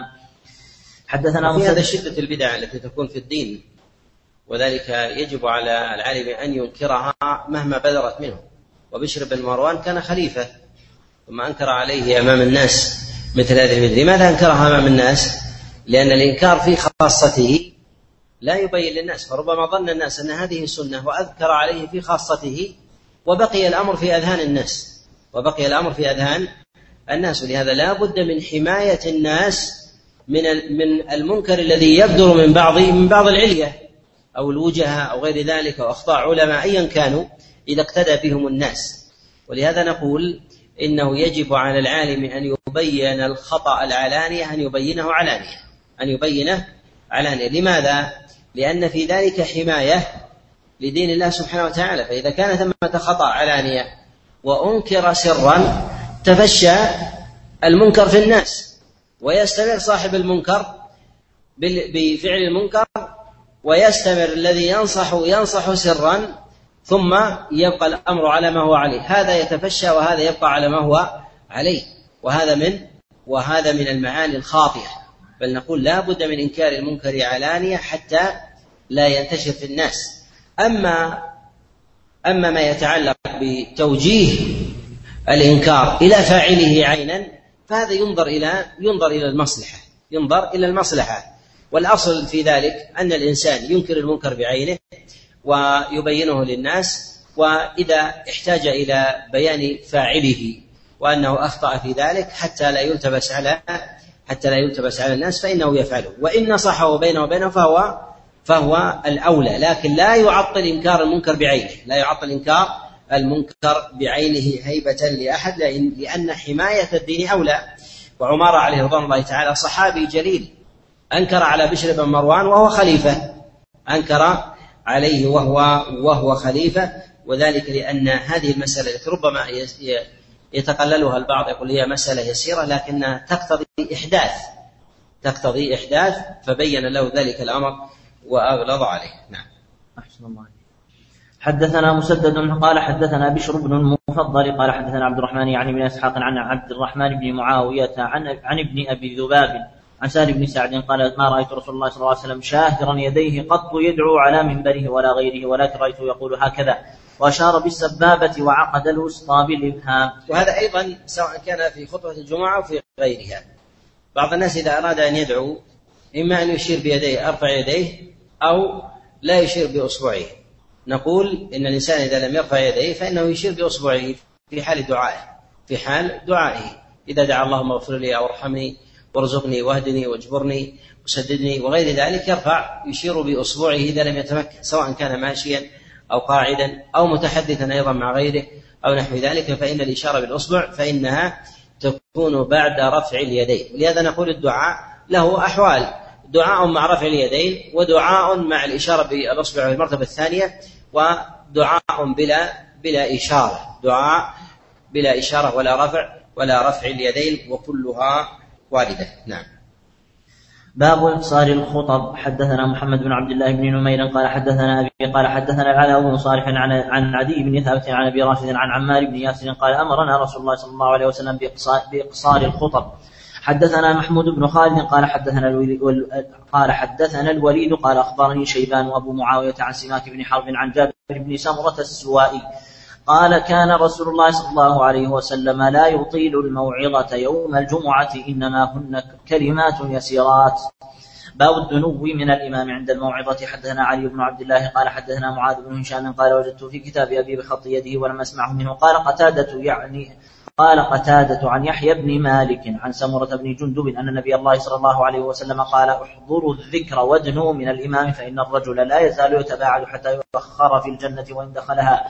باب الإمام يقطع الخطبة للأمر يحدث. حدثنا محمد بن العلاء أن زيد بن حباب حدثهم قال حدثنا حسين بن واقد قال حدثني عبد الله بن بريدة عن أبيه قال خطبنا رسول الله صلى الله عليه وسلم فأقبل الحسن والحسين عليهما قميصان يحمران يعثران ويقومان فنزل فأخذهما فصعد بهما ثم قال صدق الله إنما أموالكم وأولادكم فتنة رأيت هذين فلم أصبر ثم أخذ في الخطبة. ومن معاني الفتنة هو أن يترك الإنسان الفاضل إلى المفضول أن يدع الفاضل إلى إلى المفضول. وهذا من المعاني الدقيقة جدا. ومراتب الناس في هذا على أحوال. لإدراك الصالحين يختلف عن غيرهم. إدراك العلماء بقدر ولايتهم وتقدمهم يدركون المراتب بين الأعمال المتفاضلة. وكلما كان الإنسان أعلم بالشريعة أدرك المتفاضلات. والنبي صلى الله عليه وسلم نظر إلى جزء يسير لا يراه إلا إلا الكمل من الأولياء.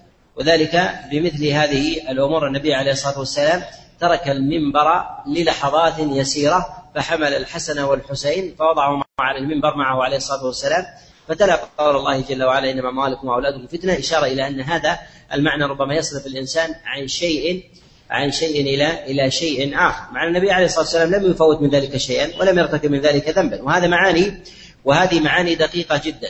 ولهذا نعلم ان أنه ما من أحد يكاد يسلم من هذا الباب، يكاد يسلم من هذا الباب ولكن بحسب ولايتهم وقربهم تضيق هذه الدائرة لديهم حتى تصبح شعرة دقيقة من أمر ترك أمور الأمور المتفاضلة في هذا في هذا الباب إلى الجانب المفضول وترك وترك الأفضل. ولهذا نقول إن العلماء يدورون بين مسألة المتفاضلات وأما بالنسبة لغيرهم من الجهال فالذين يدورون بين يدورون في دائرة في دائرة الخير والشر فيدع الخير ويذهب إلى ويذهب إلى الشر. وبهذا نعلم أن الإنسان الذي يدع الخير ويعطله إلى إلى الشر فإنه أشد أشد فتنة أشد فتنة. وبهذا أيضا نعلم أن أن الإنسان بما يقرب إليه من محبوباته من ماله وذريته وأزواجه وغير ذلك أن أنه يفتن بشيء يحبه ولا يشعر به ولا يشعر به فتصرفه عن الأشياء الفاضلة ومن الطاعات وكذلك أيضا من الصالحات إلى إلى غيرها. نعم. أحسن الله باب الاحتباء والإمام يخطب. حدثنا محمد بن عوف قال حدثنا المقري وقال حدثنا سعيد بن أبي في هذا إسبال الصبي إسبال الصبي الحسن والحسين يعثران. إسبال الصبي وأنه لا حرج في ذلك باعتبار أنه لا يكلف. و وكان صغيرين عليهما رضوان الله تعالى. نعم. قال حدثنا سعيد بن أبي أيوب عن أبي مرحوم عن سهل بن معاذ بن أنس عن أبيه أن رسول الله صلى الله عليه وسلم نهى عن الحبوة أو الحبوة يوم الجمعة والإمام يخطب. حدثنا داود بن رشيد قال حدثنا خالد بن حيان الرقي قال حدثنا سليمان بن عبد الله بن الزبرقاني عن يعلى بن شداد بن أوس قال شهدت مع معاوية بيت المقدس فجمع بنا فنظرت فإذا جل من في المسجد أصحاب النبي صلى الله عليه وسلم فرايتم محتبين والإمام يخطب قال أبو داود كان ابن عمر يحتبي والإمام يخطب وأنس وأنس بن مالك وشريح وصعصعة بن صوحان وسعيد بن المسيب وإبراهيم النخعي ومكحول وإسماعيل بن محمد بن سعد ونعيم بن سلامة قال لا بأس بها. قال أبو داود ولم, يبلغ ولم يبلغني أن أحدا كرهها إلا عبادة بن نسي إلا عبادة بن نسي باب الكلام والإمام يخطب حدثنا عن ابي عن مالك عن ابن شهاب عن سعيد عن أبي هريرة أن رسول الله صلى الله عليه وسلم قال إذا قلت أنصت والإمام يخطب فقد لغوت حدثنا مسدد وأبو كامل قال حدثنا يزيد عن حبيب عن حبيب المعلم عن حبيب المعلم عن عمرو بن شعيب عن أبيه عن عبد الله بن عمرو عن النبي صلى الله عليه وسلم قال يحضر الجمعة ثلاثة نفر. رجل حضرها يبغو وهو حظه منها ورجل حضرها يدعو. فهو رجل دعا الله عز وجل إن شاء أعطى وإن شاء منع. ورجل حضرها بإنصات وسكون ولم يتخط رقبة مسلم ولم يؤذي أحدا فهي كفارة إلى الجمعة التي تليها وزيادة ثلاثة أيام. وذلك بأن الله عز وجل يقول من جاء بالحسنة فله عشر أمثالها باب استئذان المحدث الإمام. حدثنا إبراهيم بن الحسن المصيصي قال حدثنا حجاج قال حدثنا ابن جريج قال أخبرني هشام بن عروة عن عروة عن عائشة قالت قال قال النبي صلى الله عليه وسلم إذا حدث أحدكم بصلاته فليأخذ بأنفه ثم لينصرف. قال أبو داود رواه محمد بن سلمة وأبو أسامة عن هشام عن أبيه عن النبي صلى الله عليه وسلم إذا دخل أحدكم والإمام يخطب لم يذكر عائشة.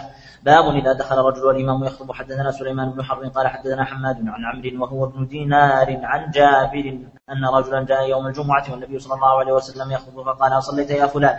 قال لا قال قم فاركع. حدثنا محمد بن محبوب وإسماعيل بن إبراهيم المعنى. قال حدثنا حفص بن غياث عن الأعمش عن أبي سفيان عن جابر وعن أبي صالح عن أبي هريرة قال جاء سليك الغطفاني ورسول الله صلى الله عليه وسلم يخطب وقال له صليت شيئا؟ قال لا. قال قال صل ركعتين تجوز فيهما. حدثنا أحمد بن حنبل قال حدثنا محمد بن جعفر عن سعيد عن الوليد أبي بشر عن طلحة أنه سمع جابر بن عبد الله يحدث أن سليكا جاء فذكر نحوه. زاد ثم أقبل على الناس وقال إذا جاء أحدكم والإمام يخطب فليصلي ركعتين يتجوز يتجوز فيهما. باب تخطي رقاب الناس يوم الجمعة. حدثنا هارون بن معروف قال حدثنا بشر بن سري قال حدثنا معاوية بن صالح عن أبي الزاهرية قال كنا مع عبد الله بن بسر صاحب النبي صلى الله عليه وسلم يوم الجمعة فجاء رجل يتخطى رقاب الناس فقال عبد الله بن بسر جاء رجل يتخطى رقاب الناس يوم الجمعة والنبي صلى الله عليه وسلم يخطب فقال له النبي صلى الله عليه وسلم اجلس فقد آذيت. وهذا من الأدلة التي يقضي بها بعض العلماء على وجوب تحية المسجد وفي هذا نظر وقال وذلك أن النبي عليه الصلاة والسلام أمره بأداء الصلاة وهو يخطب واستماع الخطبة آكد وأوجب وآكد وأوجب ثم أمره بأن يصلي ركعتين. ومعلوم أنه إذا صلى لا يكون حاضر القلب والذهن لخطبة الخطيب فجعله ينشغل بها. قالوا فلا ينشغل إلا إلا بما بما هو أوجب. ولكن نقول إن هذا إن هذا فيه نظر. وذلك أن تحية المسجد سنة وأدلة على ذلك كثيرة عن النبي عليه الصلاة والسلام. من ذلك دخول النبي عليه الصلاة والسلام وجلوسه في المنبر في صلاة الجمعة من غير أن يصلي ركعتين. وكذلك أيضا الصحابة عليهم رضوان الله تعالى في ظاهر أعمالهم أنه إجماع كما جاء في حديث زيد بن أسلم أن الصحابة عليهم رضوان الله تعالى كانوا يجلبون ثم يخرجون ويتوضؤون ثم يرجعون ويجلسون يعني في المسجد ولم ولو كانت واجبة لا وجب عليهم أن يغتسلوا وأن يصلوا تحية تحية المسجد هذا بعد بعد دخوله. ولهذا نقول إن تحية المسجد إنما إنما هي سنة ويكره للإنسان أن يجلس دون دون أن يصلي. باب باب الرجل ينعس والإمام يخطب. حدثنا هناد بن السري عن عبدة عن ابن إسحاق عن ابن إسحاق عن نافع عن ابن عمر قال سمعت رسول الله صلى الله عليه وسلم يقول إذا نعس أحدكم وهو في المسجد فليتحول من مجلسه ذلك إلى غيره. باب باب الإمام يتكلم بعدما ينزل من المنبر. حدثنا مسلم بن إبراهيم عن جرير وهو, وهو ابن حازم. لا أدري كيف قاله مسلم أو لا. عن ثابت عن أنس قال رأيت رسول الله صلى الله عليه وسلم ينزل, عن ينزل من المنبر فيعرض له الرجل في الحاجة فيقوم معه حتى يقضي حاجته ثم يقوم فيصلي. قال أبو داود والحديث ليس معروف عن ثابت وهو هو مما تفرد به جرير جرير بن حازم. وهذا يدل على أن تحرك المأموم في حال استماع الخطبة أنه لا حرج عليه أن يقوم يتحرك وذلك لمصلحة الصلاة حتى لا يغلب عليه النعاس وذلك أن تحرك الإنسان وتغيره من مكانه وتصرفه أن هذا أن هذا ينشطه ويذهب نعاسه وركوده في دينه ونفسه نعم. باب من أدرك من الجمعة ركعة حدثنا القعنبي عن مالك عن ابن شهاب عن أبي سلمة عن أبي هريرة قال قال رسول الله صلى الله عليه وسلم من أدرك ركعة من الصلاة فقد أدرك الصلاة. باب ما يقرأ في الجمعة. حدثنا قتيبة بن سعيد قال حدثنا أبو عوانة عن إبراهيم بن محمد بن المنتشر عن أبيه عن حبيب بن سالم عن النعمان بن بشير أن رسول الله صلى الله عليه وسلم كان يقرأ في العيدين ويوم الجمعة بسبح اسم ربك الأعلى وهل أتاك حديث الغاشية؟ قال ربما اجتمع في يوم واحد فقرأ بهما. حدثنا القعنبي عن مالك عن ضارة بن سعيد المازني عن عبيد الله بن عبد الله بن عتبة أن الضحاك بن قيس سأل النعمان بن بشير ماذا كان يقرأ به رسول الله صلى الله عليه وسلم يوم الجمعة على أثر سورة الجمعة؟ فقال كان يقرأ بهل أتاك حديث الغاشية. حدثنا القعنبي قال حدثنا سليمان يعني بن بلال عن جعفر عن أبيه عن ابن أبي رافع قال صلى بنا أبو هريرة يوم الجمعة فقرأ بسورة الجمعة في الركعة الآخرة إذا جاءك المنافقون. قال فأدركت أبا هريرة حين انصرف فقلت له إنك قرأت بسورتين كان علي بن أبي طالب يقرأ بهما بالكوفة.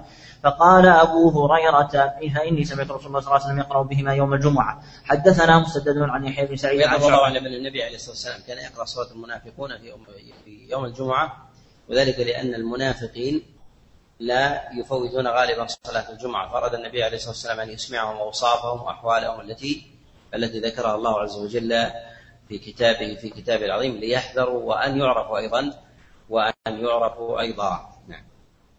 حدثنا مسدد عن يحيى بن سعيد عن شعبة عن معبد بن خالد عن زيد بن عقبة عن سمرة بن جندب أن رسول الله صلى الله عليه وسلم كان يقرأ في صلاة الجمعة بسبح اسم ربك الأعلى وهل أتاك حديث الغاشية؟ باب الرجل يأتم بالإمام وبينهما جدار حدثنا زهير بن حرب قال حدثنا هشيم قال أخبرنا يحيى بن سعيد عن عمرة عن عائشة قالت صلى رسول الله صلى الله عليه وسلم في حجرته والناس يأتمون به من وراء الحجرة. باب الصلاة بعد الجمعة. حدثنا إذا صلى الإنسان وبينه مثلا الطريق أو نحو ذلك اتصلت الصفوف لا حرج في ذلك. وإذا انفصلت ولكن بينه الطريق ولا يستطيع أن يعمر الطريق فلا حرج أيضا على الإنسان. وقد جاء عن عبد الرحمن بن عوف أنه صلى في دكان وبينه وبين الإمام الطريق. وكذلك أيضا جاء عن أبي هريرة صلى على سطح المسجد. وجاء أيضا هذا عن عمار بن ياسر وقال به الإمام أحمد والإمام الشافعي وغيرهم من من الأئمة. نعم. حدثنا محمد بن عبيد وسليمان بن داود العتكي المعنى. قال حدثنا حمد بن زيد قال حدثنا أيوب عن نافع أن ابن عمر رأى رجلا يصلي ركعتين يوم الجمعة في مقامه فدفعه وقال تصلي الجمعة أربعة. وكان عبد الله يصلي يوم الجمعة ركعتين في بيته ويقول هكذا فعل رسول الله صلى الله عليه وسلم. حدثنا مسدد قال حدثنا إسماعيل قال أخبرنا أيوب عن نافع قال كان ابن عمر يطيل الصلاة قبل الجمعة ويصلي بعدها ركعتين في بيته وحدث أن رسول الله صلى الله عليه وسلم كان يفعل ذلك. حدثنا الحسن بن علي قال حدثنا عبد الرزاق قال أخبرنا ابن جريج قال أخبرني عمر بن عطاء قال أخبرني عمر بن عطاء بن أبي الخواري أن نافع بن جبير أرسله إلى السائب بن يزيد. بن أخت نمر يسأله عن شيء رأى منه معاوية في الصلاة فقال صليت معه في المقصورة فلما سلمت قمت في مقامي فصليت فلما دخل أرسل إلي فقال لا تعد ما صنعت إذا صليت الجمعة فلا تصليها بصلاة حتى تكلم وتخرج. فإن نبي الله صلى الله عليه وسلم أمر بذلك ألا توصل صلاة بصلاة حتى تتكلم وتخرج. حدثنا محمد بن عبد العزيز بن أبي رزمة المروزي. أخبرنا الفضل بن موسى بن موسى عن عبد الحميد بن جعفر عن عن يزيد بن أبي حبيب عن عطاء عن ابن عمر قال كان إذا كان إذا كان بمكة فصلى الجمعة تقدم وصلى ركعتين ثم تقدم وصلى أربعة وإذا كان بالمدينة صلى الجمعة ثم رجع إلى بيته وصلى ركعتين ولم يصلي في المسجد فقيل له فقال كان رسول الله صلى الله عليه وسلم يفعل ذلك. حدثنا أحمد بن يونس قال حدثنا زهير حاء وحدثنا محمد بن الصباح البزاز قال حدثنا إسماعيل بن زكريا عن سهير عن أبي عن أبي هريرة قال قال رسول الله صلى الله عليه وسلم قال ابن الصباح قال من كان مصليا بعد الجمعة فليصلي أربعا وتم حديثه. وقال ابن يونس إذا صليت الجمعة فصلوا بعدها أربعة قال فقال لي أبي يا بني فإن صليت في المسجد ركعتين ثم أتيت المنزل أو البيت فصل ركعتين. حدثنا الحسن بن علي قال حدثنا عبد الرزاق عن معمر عن الزهري عن سالم عن ابن عمر, عن, عن ابن عمر قال كان رسول الله صلى الله عليه وسلم يصلي بعد الجمعة ركعتين في بيته. قال أبو داود وكذلك رواه عبد الله بن دينار عن ابن عمر. حدثنا إبراهيم بن الحسن قال حدثنا حجاج بن محمد عن ابن جريج قال أخبرني عطاء أنه رأى أنه رأى ابن عمر يصلي بعد الجمعة فينماز عن عن مصلاه الذي صلى فيه الجمعة قليلا غير كثير. قال فيركع ركعتين. قال ثم يمشي أنفس من ذلك فيركع أربع ركعات. قلت لعطاء كم رأيت ابن عمر يصنع ذلك؟ قال مرارا. قال أبو داود رواه عبد الملك بن أبي سليمان ولم يتمه. باب صلاة العيدين. حدثنا موسى بن إسماعيل قال حدثنا حماد عن حميد عن الروايات التي جاءت في بعد الجمعة نقول إن الجمع بين هذه الأدلة أنه إذا صلى في المسجد فيصلي فيصلي أربعة، وإذا صلى في بيته فإنه يصلي فإنه يصلي ركعتين. نعم. حدثنا موسى بن إسماعيل قال حدثنا حماد عن حميد عن أنس قال قدم رسول الله صلى الله عليه وسلم المدينة ولهم يومان يلعبون فيهما فقال ما هذان اليومان؟ قالوا كنا نلعب فيهما في الجاهلية فقال رسول الله صلى الله عليه وسلم إن الله قد أبدلكم بهما خيرا منهما يوم الأضحى ويوم الفطر. باب وقت الخروج إلى العيد. حدثنا أحمد بن حنبل قال حدثنا أبو المغيرة قال حدثنا صفوان عن يزيد بن خمير الرحبي قال خرج عبد الله بن بسر صاحب رسول الله صلى الله عليه وسلم مع الناس في يوم عيد عيد فطر أو أضحى فأنكر يبقى الامام فقال إنا كنا قد فرغنا ساعتنا هذه وذلك حين التسبيح. باب خروج النساء في العيد. حدثنا موسى بن إسماعيل قال حدثنا حماد حماد عن أيوب ويونس وحبيب ويحيى بن عتيق وهشام. في آخرين عن محمد أن أم عطية قالت أمرنا رسول الله صلى الله عليه وسلم أن نخرج ذوات الخدور يوم العيد. قيل فالحيض قال ليشهدن الخير ودعوة المسلمين. قال فقالت امرأة يا رسول الله إن لم يكن لإحداهن ثوب كيف تصنع؟ قال تلبسها صاحبتها طائفة من ثوبها. حدثنا محمد بن عبيد قال حدثنا حماد قال حدثنا أيوب عن محمد عن أم عطية بهذا الخبر قال ويعتزل الحي الحيض مصلى المسلمين ولم يذكر الثوب. قال وحدث عن حفصة عن امرأة تحدث عن امرأة أخرى قال قالت قيل يا رسول الله فذكر معنى موسى في الثوب. حدثنا النفيلي قال حدثنا زهير قال حدثنا عاصم الأحول عن حفصة بنت سيرين عن أم عطية قالت كنا نؤمر بهذا الخبر قالت والحيض يكن خلف الناس فيكبرن مع الناس. حدثنا أبو الوليد يعني الطيالسي يعني الطيالسي ومسلم قال حدثنا إسحاق بن عثمان قال حدثني إسماعيل بن عبد الرحمن بن عطية عن جدته أم عطية أن رسول الله صلى الله عليه وسلم لما قدم المدينة جمع نساء الأنصار في بيت فأرسل إلينا عمر بن الخطاب فقام على الباب فسلم علينا فرددنا عليه السلام. ثم قال أنا رسول أنا رسول رسول الله صلى الله عليه وسلم إليكن وأمرنا بالعيدين أن نخرج فيهما الحيض والعتق ولا جمعة علينا ونهانا عن اتباع الجنائز. باب الخطبة. حدثنا محمد بن العلاء قال حدثنا أبو معاوية قال حدثنا أعمش عن إسماعيل بن رجاء عن أبيه عن أبي سعيد الخدري وعن قيس بن مسلم وعن طارق عن طارق بن شهاب. عن أبي سعيد الخدري قال أخ قال أخرج مروان منبر في يوم عيد فبدأ بالخطبة قبل الصلاة فقام رجل فقال يا مروان خالفت السنة. أخرجت المنبر في يوم عيد ولم يكن يخرج فيه وبدأت بالخطبة قبل الصلاة.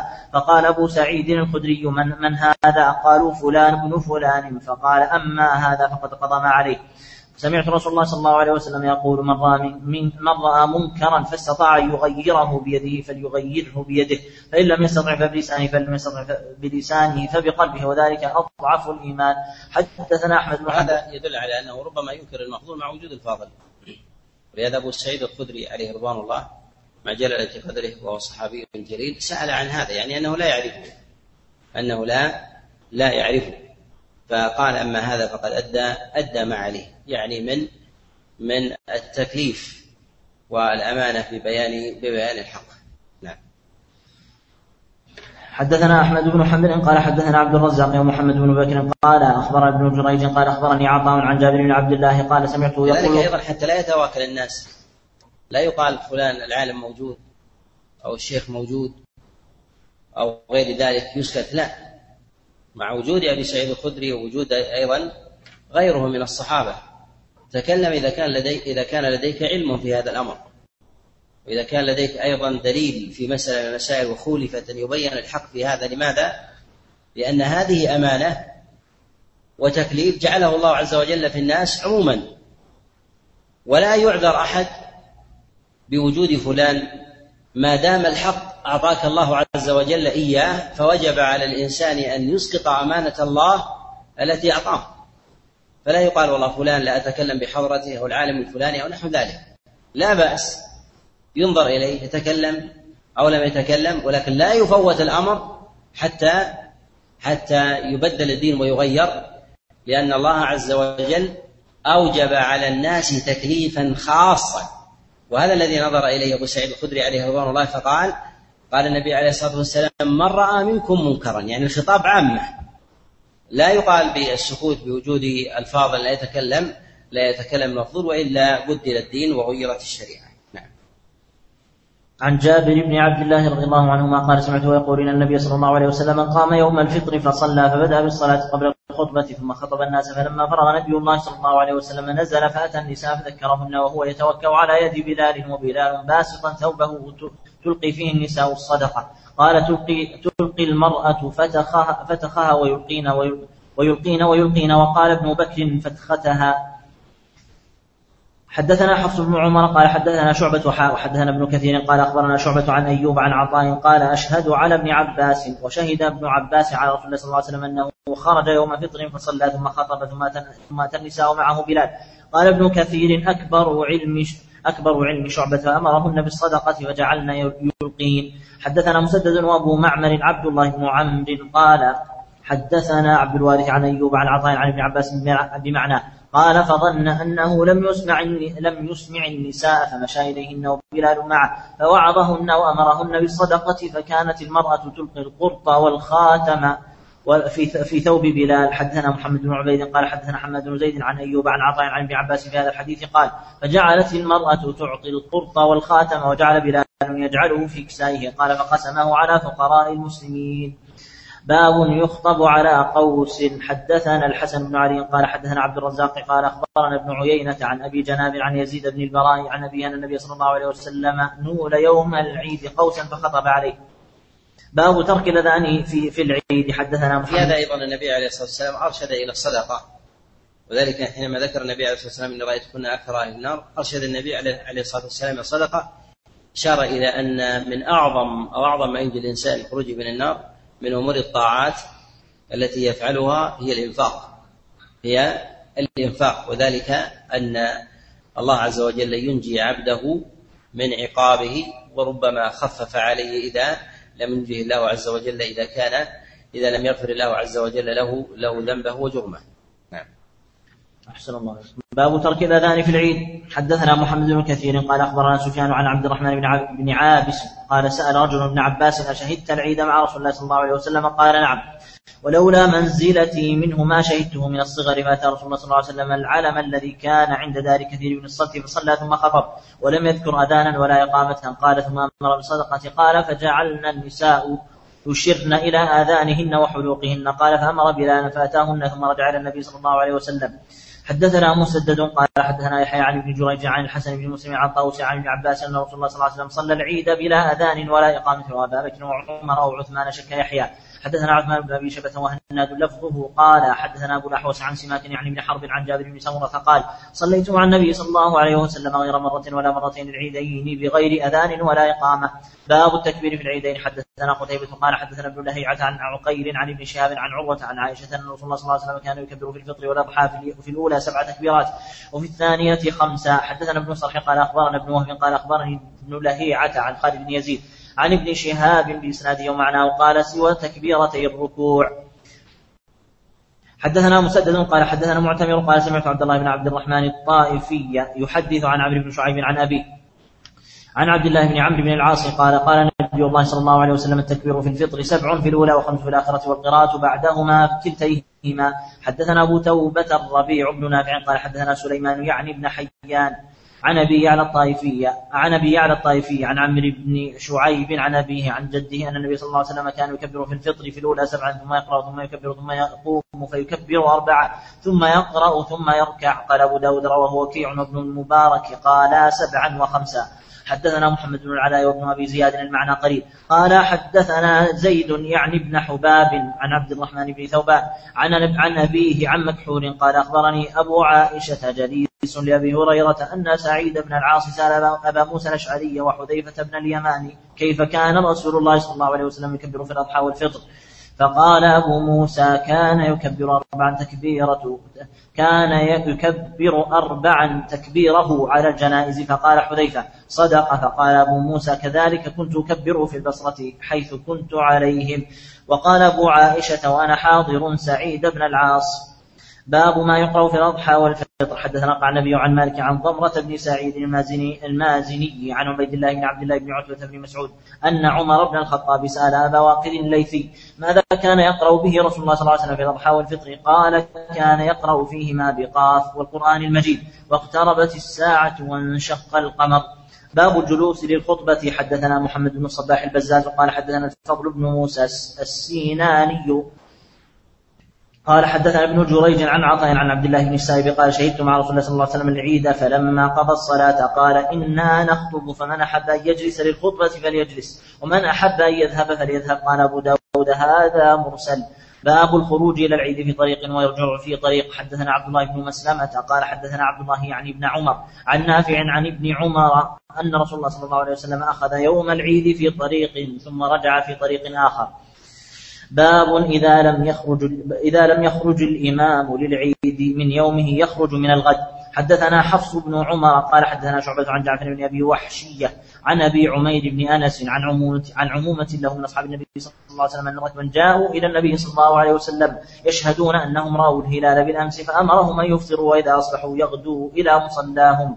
حدثنا حمزة بن نصير قال حدثنا حدثنا ابن أبي مريم قال حدثنا إبراهيم بن سويد قال أخبرني أنيس بن أبي يحيى قال أخبرني إسحاق بن سالم مولى نوفل بن عدي. قال أخبرني بكر بن مبشر الأنصاري قال كنت أغدو مع أصحاب رسول الله صلى الله عليه وسلم إلى المصلى يوم الفطر ويوم الأضحى فنسلك بطن بطحان حتى نأتي المصلى فنصلي مع رسول الله صلى الله عليه وسلم ثم نرجع من بطن بطحان إلى بيوتنا. باب الصلاة بعد العيد. حدثنا حفص بن عمر قال حدثنا شعبة قال حدثني عدي بن ثابت عن سعيد بن جبير عن ابن عباس قال خرج رسول الله صلى الله عليه وسلم يوم فطر فصلى ركعتين لم يصلي قبلهما ولا بعدها قبلها ولا بعدها. ثم أتى النساء ومعه بلال فأمرهن بالصدقة فجعلت المرأة تلقي خرصها وسخابها. باب يصلى باب يصلى بالناس في المسجد إذا كان يوم مطر. إذا كان يوم مطر. حدثنا هشام بن عمان قال حدثنا الوليد حاء وحدثنا الربيع بن سليمان قال حدثنا عبد الله بن يوسف قال حدثنا الوليد بن مسلم قال حدثنا رجل من من الفرويين وسماه الربيع في حديثه عيسى بن عيسى بن عبد الأعلى بن أبي فروة. سمع أبا يحيى عبيد الله التيمي يحدث عن أبي هريرة أنه أصابه مطر في يوم عيد فصلى بهم النبي صلى الله عليه النبي صلى الله عليه وسلم صلاة العيد في المسجد. جماع أبواب صلاة الاستسقاء وتفريعها. حدثنا أحمد بن محمد بن ثابت المروزي قال حدثنا عبد الرزاق قال أخبرنا معمر عن الزهري عن عباد بن تميم عن عمه أن رسول الله صلى الله عليه وسلم خرج بالناس يستسقي فصلى بهم ركعتين جهر بالقراءة فيهما وحول رداءه ورفع يديه ودعا واستسقى واستقبل القبلة. حدثنا ابن السرح وسليمان بن داود قال أخبرنا ابن وهب قال أخبرني ابن أبي ذئب ويونس عن ابن شهاب قال أخبرني عباد بن تميم المازني وأنه سمع عمه وكان من أصحاب رسول الله صلى الله عليه وسلم يقول خرج رسول الله صلى الله عليه وسلم يوما يستسقي فحول إلى الناس ظهره يدعو الله عز وجل. قال سليمان بن داود واستقبل القبلة وحول رداءه ثم صلى ركعتين قال ابن أبي ذئب وقرأ فيهما زاد ابن السرح يريد الجهر حدثنا محمد بن عوف قال قرأت في كتاب عمرو بن الحارث يعني الحمصي عن عبد الله بن سالم عن الزبيدي عن محمد بن مسلم بهذا الحديث بإسناده لم يذكر الصلاة. وحول رداءه فجعل عطافه الأيمن على عاتقه الأيسر وجعل عطافه الأيسر على عاتقه الأيمن ثم دعا الله عز وجل. حدثنا قتيبة بن سعيد قال حدثنا عبد العزيز عن عمارة بن غز... عن عمارة بن غزية عن عباد بن تميم عن عبد الله بن زيد قال استسقى رسول الله صلى الله عليه وسلم وعليه خميصة له سوداء. فأراد رسول الله صلى الله عليه وسلم أن يأخذ بأسفلها فيجعله أعلاها فلما ثقلت قلبها على عاتقه. حدثنا عبد الله بن مسلمة قال حدثنا سليمان يعني بن بلال عن يحيى عن أبي بكر بن محمد عن عباد بن تميم أن عبد الله بن زيد أخبره أن رسول الله صلى الله عليه وسلم خرج إلى المصلى يستسقي وأنه لما أراد أن يدعو واستقبل القبلة ثم حول رداءه.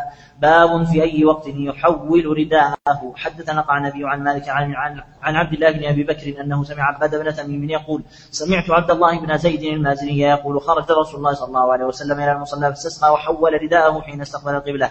حدثنا النفيلي وعثمان بن أبي شيبة نحوه. قال حدثنا حاتم بن إسماعيل قال حدثنا هشام بن إسحاق بن إسحاق بن عبد الله بن كنانة قال أخبرني أبي. قال أرسلني الوليد بن عتبة. قال عثمان بن قال عثمان بن عقبة وكان أمير المدينة إلى إلى ابن عباس نسأله عن صلاة رسول الله صلى الله عليه وسلم في الاستسقاء فقال خرج رسول الله صلى الله عليه وسلم متبذلا متواضعا متضرعا حتى أتى المصلى. زاد عثمان فرقي على المنبر ثم اتفقا فلم يخطب خطبكم هذه ولكن لم يزل في الدعاء والتضرع والتكبير ثم صلى ركعتين كما يصلى في العيد.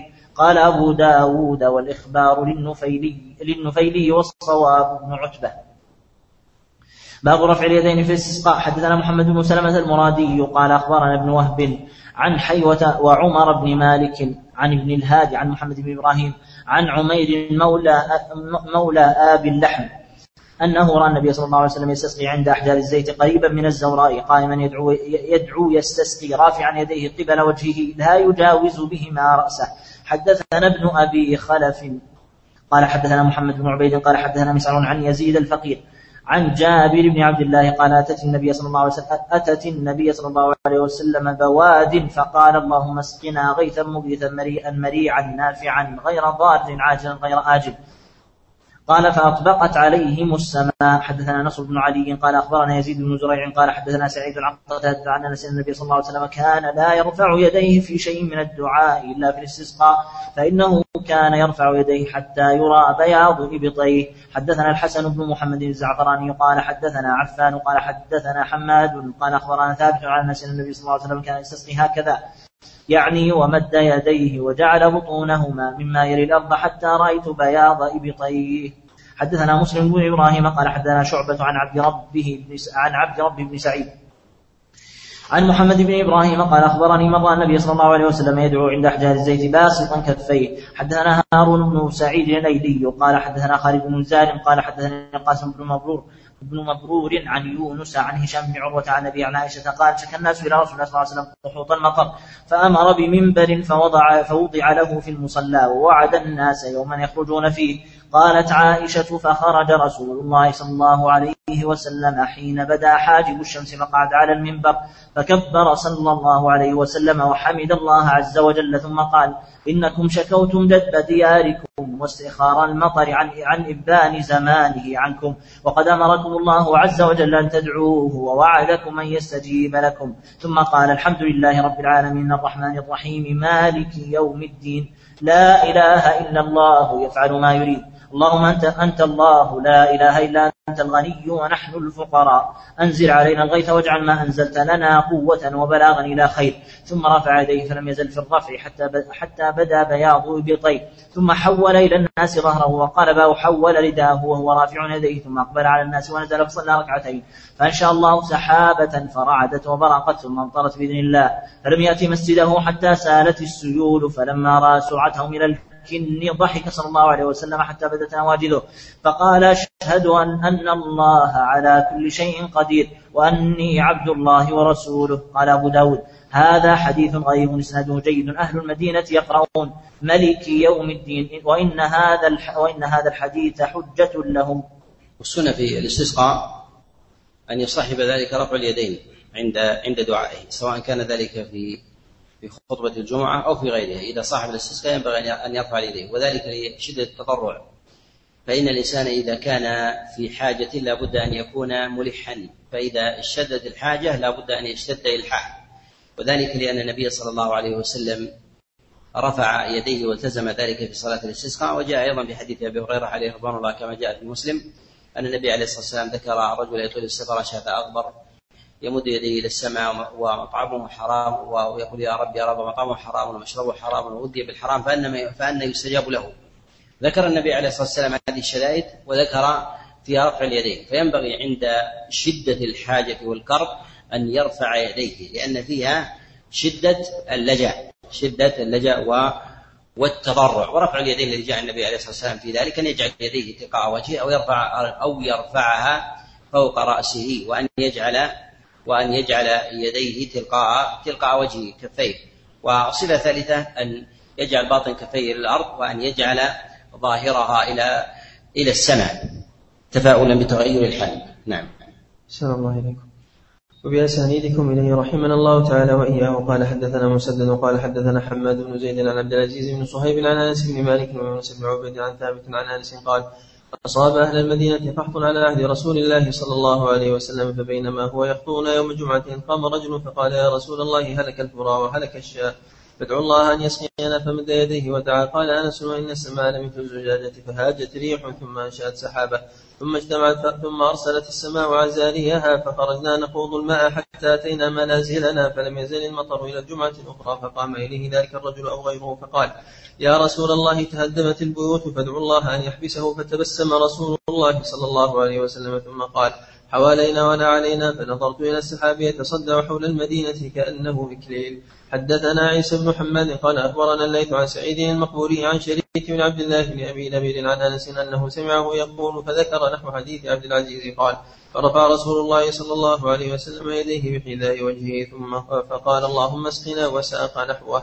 حدثنا عبد الله بن مسلمة عن مالك عن يحيى بن سعيد عن عمرو بن شعيب أن رسول الله صلى الله عليه وسلم حا وحدثنا سالم بن صالح قال حدثنا علي بن قاسم قال حدثنا سفيان عن يحيى بن سعيد عن عمرو بن شعيب عن أبيه عن جده قال كان رسول الله صلى الله عليه وسلم إذا استسقى قال اللهم اسق عبادك وبهائمك وانشر رحمتك وأحيي بلدك الميت. هذا لفظ حديث مالك.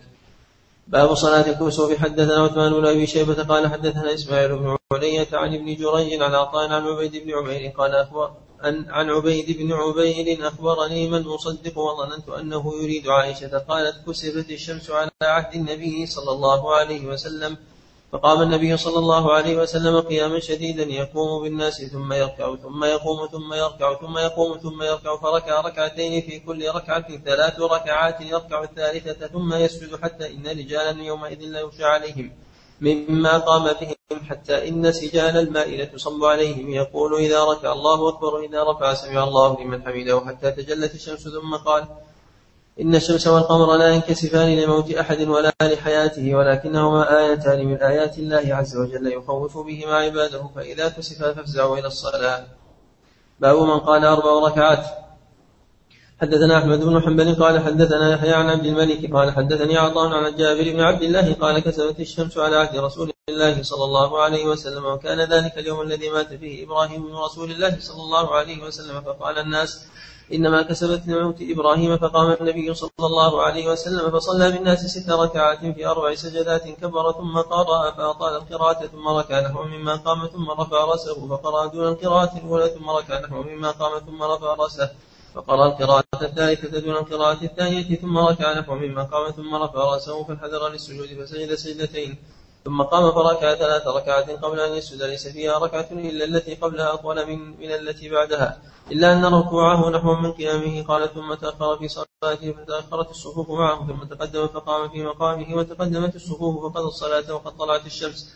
فقال يا أيها الناس إن الشمس والقمر آيتان من آيات الله عز وجل لا ينكسفان لموت بشر. فإذا رأيتم شيئا من ذلك فصلوا حتى تنجلي وساق بقية الحديث. حدثنا محمد بن هشام قال حدثنا إسماعيل عن هشام قال حدثنا أبو زبير عن جابر قال كسبت الشمس على عهد رسول الله صلى الله عليه وسلم في يوم شديد الحر فصلى رسول الله صلى الله عليه وسلم بأصحابه. فأطال القيام حتى جعلوا يخرون ثم ركع فأطال ثم رفع فأطال ثم ركع فأطال ثم رفع فأطال ثم سجد سجدتين ثم قام فصنع نحو من ذلك.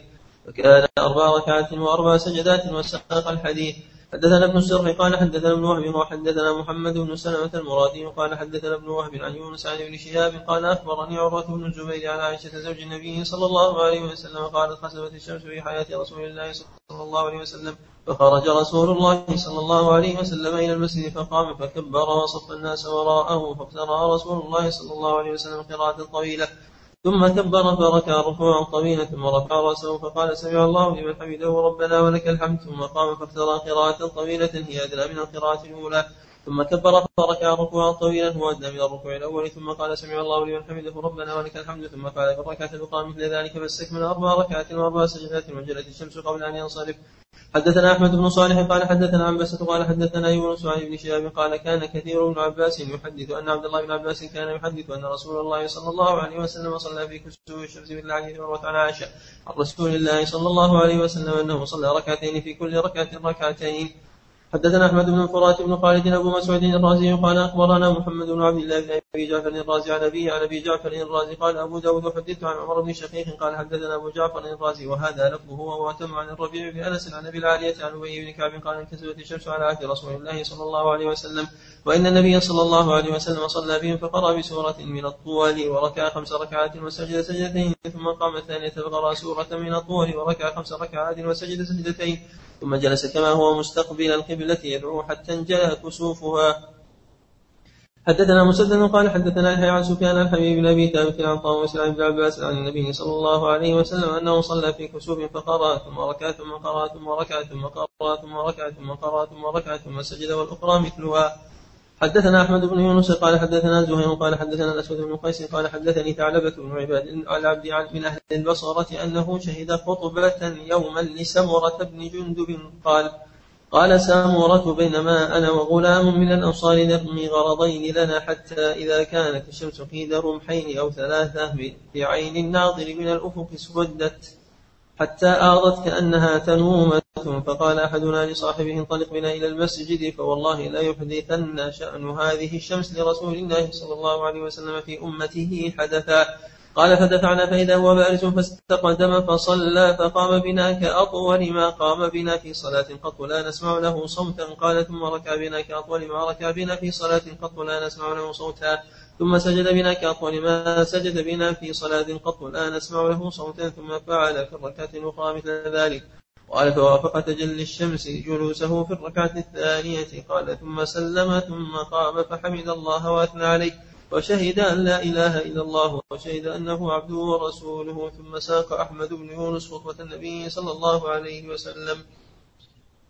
حدثنا موسى بن إسماعيل قال حدثنا وهيب قال حدثنا أيوب عن أبي قلابة عن قبيصة الهلالي قال كسبت الشمس على عهد رسول الله صلى الله عليه وسلم فخرج فزعا يجر ثوبه وأنا معه يومئذ بالمدينة فصلى ركعتين فأطال فيهما القيام ثم انصرف وانجلت فقال إنما هذه الآيات يخوف الله عز وجل بها فإذا رأيتموها فصلوا كأحدث صلاة صليتموها من المكتوبة. حدثنا أحمد بن إبراهيم قال حدثنا ريحان بن سعيد قال حدثنا عباد بن منصور عن أيوب عن أبي قلابة عن هلال بن عامر أن قبيصة الهلالي حدثه أن الشمس كسفت بمعنى حديث موسى قال حتى بدت النجوم. باب القراءة في صلاة الكسوف. حدثنا عبيد الله بن سعد قال حدثنا عمي قال حدثنا أبي عن محمد بن إسحاق قال حدثني هشام بن عروة وعبد الله بن أبي سلمة عن سليمان بن يسار. كلهم كلهم قد حدثني عن عروة. عن عائشة قالت كسفت الشمس على عهد رسول الله صلى الله عليه وسلم فخرج رسول الله صلى الله عليه وسلم فصلى بالناس فقام فحزرت قراءته فرأيت أنه قرأ بسورة البقرة وساق الحديث ثم سجد سجدتين ثم قام فأطال القراءة فحزرت قراءته فرأيت أنه قرأ بسورة آل عمران. حدثنا عباس بن الوليد بن منزل قال أخبرني أبي قال حدثنا الأوزاعي قال أخبرني الزهري قال أخبرني عروة بن الزبير عن عائشة أن رسول الله صلى الله عليه وسلم قرأ قراءة طويلة فجهر بها يعني في صلاة الكسوف. حدثنا القعنبي عن مالك عن زيد بن أسلم عن عطاء بن عن ابن عباس قال خسفت الشمس وصلى رسول الله صلى الله عليه وسلم والناس معه فقام قياما طويلا بنحو من سورة البقرة ثم ركع وساق الحديث. باب ينادي فيها بالصلاة. حدثنا عمرو بن عثمان قال حدثنا الوليد قال حدثنا عبد الرحمن بن نمر قال أنه سأل الزهري ابن نمر أنه سأل الزهري فقال الزهري أخبرني عروة عن عائشة قالت كسفت الشمس فأمر رسول الله صلى الله عليه وسلم رجلا فنادى أن الصلاة جامعة. باب الصدقة فيها. حدثنا قال النبي عن مالك عن هشام عروة عن عروة عن عائشة أن النبي صلى الله عليه وسلم قال الشمس والقمر لا يخسفان لموت أحد ولا لحياته. فإذا رأيتم ذلك فادعوا الله عز وجل وكبروا وتصدقوا. باب العتق فيها. حدثنا زهير بن حرب قال حدثنا من الله سبحانه وتعالى تخويف للعباد وليس عقوبة. ولكن الله عز وجل يخوف العباد وذلك بتغيير شيء من مسائل الكون عن المعتاد. ليبين الله سبحانه وتعالى قدرته في الكون وتصريف الأبراج والكواكب وأن الله سبحانه وتعالى الذي يغيرها في مثل هذه اللحظات أن الله عز وجل قادر على تغييرها بكاملها. كذلك أيضا آه، تذكير للعباد بقيام الساعة في حال اضطراب الكواكب وسقوطها وأيضا خروجها عن مسارها. أن الله سبحانه وتعالى يريد أن يذكر عباده بشيء من هذا. ولهذا الله سبحانه وتعالى يخوف عباده بأمثال هذه بأمثال هذه الآيات. والواجب في مثل هذا أن لا ينظر إليها بالتسلي وأن ظاهرة كونية تستحق الإعجاب أو الدراسة أو غير ذلك بل ينظر إليها بالوجل والخوف والتضرع والعبادة والصدقة وغير ذلك من أعمال من أعمال البر السلام عليكم. باب العتق فيها. حدثنا زهير بن حرب قال حدثنا معاوية بن عمرو قال حدثنا زائدة عن هشام عن فاطمة عن أسماء قالت كان النبي صلى الله عليه وسلم يأمر بالعتاقة في صلاة الكسوف. باب من قال يركع ركعتين. حدثنا أحمد معرفة الناس لأوقات وأزمنة الكسوف والخسوف. هذه معروفة حتى في الجاهلية عند الحساب والفلك. يعرفون يعرفون هذا. ولكن العرب كانت أمة أمية لا تدرك أمثال هذه الأمور. ومعرفة هذه الأشياء لا تخرجها عن كونها آية من آيات الله عز وجل وأن الله عز وجل يخوف بها العباد. العقلانيون يقولون إذا عرفنا هذه الأسباب فليست بآية. وإذا لم يعرفوا الأسباب فإنهم يقولون أن هذا لا يؤمن به أن هذا شيء من الخرافة أو شيء من السحر يستعمل باعتبار أنه خروج خروج عن المادة خروج عن علم علم المادة. فلم يؤمنوا في حال وجود الأسباب وظهورها ولم يصدقوا في حال غياب الأسباب. في حال غياب الأسباب ولهذا ينكرون كثيرا من النصوص التي جاءت في الكتاب والسنة في أخبار أشياء وكرامات وكرامات الأولياء ومعجزات النبي عليه الصلاة والسلام ينفونها. لماذا؟ لأنها لا توافق لا توافق علم الأسباب الذي يدركونه هم فيجعلون إدراك فيجعلون إدراكهم حكما على على الشريعة. وأخبار الوحي من كلام الله عز وجل وكلام رسول الله صلى الله عليه وسلم. ولهذا لا يجرون على على قاعدة على قاعدة واحدة. نعم. الله. باب العتق فيها حدثنا باب من قال يركع ركعتين حدثنا أحمد بن أبي شعيب الحراني قال حدثني الحارث بن عمر البصري عن أيوب السختياني عن أبي قلابة عن النعمان بن بشير قال كسبت الشمس على عهد رسول الله صلى الله عليه وسلم فجعل يصلي ركعتين ركعتين ويسأل عنها حتى انجلت. حدثنا موسى بن إسماعيل قال حدثنا حماد عن عطاء بن سابع عن أبي عبد الله بن عمرو قال انكسفت الشمس على عهد رسول الله صلى الله عليه وسلم فقام رسول الله صلى الله عليه وسلم لم يكد يركع حتى ثم ركع فلم يكد يرفع ثم رفع فلم يكد يسجد ثم سجد فلم يكد يرفع ثم رفع فلم يكد يسجد ثم سجد فلم يكد يرفع ثم رفع وفعل في الركعة الأخرى مثل ذلك. ثم نفخ في آخر سجوده فقال أف أف ثم قال ربي ألم تعدني ألا تعذبهم وأنا فيهم؟ ألم تعدني ألا تعذبهم وهم يستغفرون؟ ففرغ رسول الله صلى الله عليه وسلم من صلاته وقد أمحصت الشمس وساق الحديث حدثنا مسدد قال حدثنا يستدل بعضهم على أن النفخ في الصلاة لا يبطل لا يبطلها أنه ليس ليس بكلام. نعم. حدثنا مسدد قال حدثنا بشر بن المفضل قال حدثنا الجريري عن حيان بن عمير عن عن عبد الرحمن بن سامورة قال بينما أنا أترمى بأسهم في حياة رسول الله صلى الله عليه وسلم انكسرت الشمس فنبذتهن وقلت لأنظرن ما احدث ما أحدث لرسول الله صلى الله عليه وسلم كسوف الشمس اليوم فانتهيت إليه وهو رافع يديه يسبح ويحمد ويهلل ويدعو حتى حسر عن الشمس فقرأ بسورتين وركع ركعتين.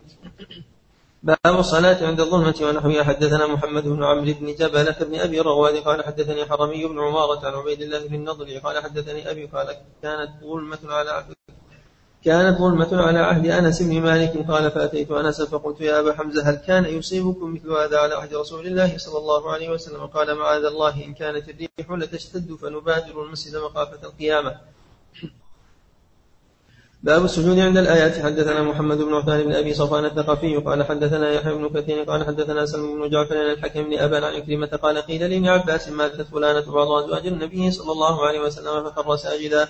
فقيل له وتسجد هذه الساعة؟ فقال قال رسول الله صلى الله عليه وسلم إذا رأيتم آية فاسجدوا. وأي آية أعظم من ذهاب أزواج النبي صلى الله عليه وسلم؟ الحديث لا يصح. وهذا الحديث لا يصح. ولم يثبت عن النبي عليه الصلاة والسلام أنه صلى لأي شيء من الآيات إلا للكسوف كسوف الخسوف وأما مع ذلك فإن الإنسان يذكر الله عز وجل ويكبر ويستغفر وكذلك أيضا يتصدق. أما عبادة معينة فلا. وهذا هو المعروف الذي قال به جماعة من علماء كمالك الشافعي ورواية الإمام أحمد. جاء الإمام أحمد عليه رحمة الله تعالى القول بأنه يصلى عند رؤية الآيات كبعض الحوادث الكبيرة من الزلازل وغير ذلك أنه يصلى أنه يصلى عندها كما تصلى الكسوف. ومنهم من يقول أن أن أنه لا يشرع أيضا ومنهم من يقول أيضا يختلف من يقول بالعبادة بأداء الصلاة بين صلاتها فرادى وبين صلاتها جماعة. ثمة قولان أيضا في مذهب الإمام أحمد عليه رحمة الله في هذه المسألة والصواب أنه لا عبادة شيء من الآيات إلا للكسوف والخسوف باعتبار ثبوت الدليل. وقد حدثت حوادث في زمن الخلفاء الراشدين ولم يثبت عن أحد منهم انه أنه صلى الصلاة بالمسلمين جماعة. جاء عن عمر بن الخطاب جاء عن عبد الله بن عباس عليه رضوان الله كما رواه الجزجاني من حديث عبد الله بن الحارث عن عبد الله بن عباس عليه رضوان الله تعالى أنه صلى لبعض الآيات آه، ست ركعات في ركعتين ويركع لكل واحدة سجدتين والله أعلم. تفريع أبواب صلاة السفر باب صلاة السفر. حدثنا القعنبي عن مالك عن صالح بن كيسان عن عمرة بن زبير عن عائشة قالت فرضت الصلاة ركعتين ركعتين في الحضر والسفر فأقرت صلاة السفر وزيد في صلاة الحضر. حدثنا أحمد بن محمد ومسدد قال حدثنا يحيى بن جرج حا وحدثنا خشيش يعني بن أصرم قال حدثنا عبد الرزاق عن ابن جرج قال حدثنا عبد الرحمن بن عبد الله بن أبي عمار عن عبد الله بن بابي عن يعلى بن أمية قال قلت لعمر بن الخطاب رأيت إبصار الناس الصلاة وإنما قال الله عز وجل إن خفتم أن يفتنكم الذين كفروا فقد ذهب ذلك اليوم فقال عجبت مما عجبت منه فذكرت ذلك لرسول الله صلى الله عليه وسلم فقال صدقة تصدق الله عز وجل بها عليكم فاقبلوا صدقته. حدثنا أحمد بن محمد قال حدثنا عبد الرزاق ومحمد بن بكر قال أخبرنا ابن جريج قال سمعت عبد الله بن أبي عمار يحدث فذكره قال أبو داود رواه أبو عاصم محمد بن مسعدة كما رواه ابن بكر.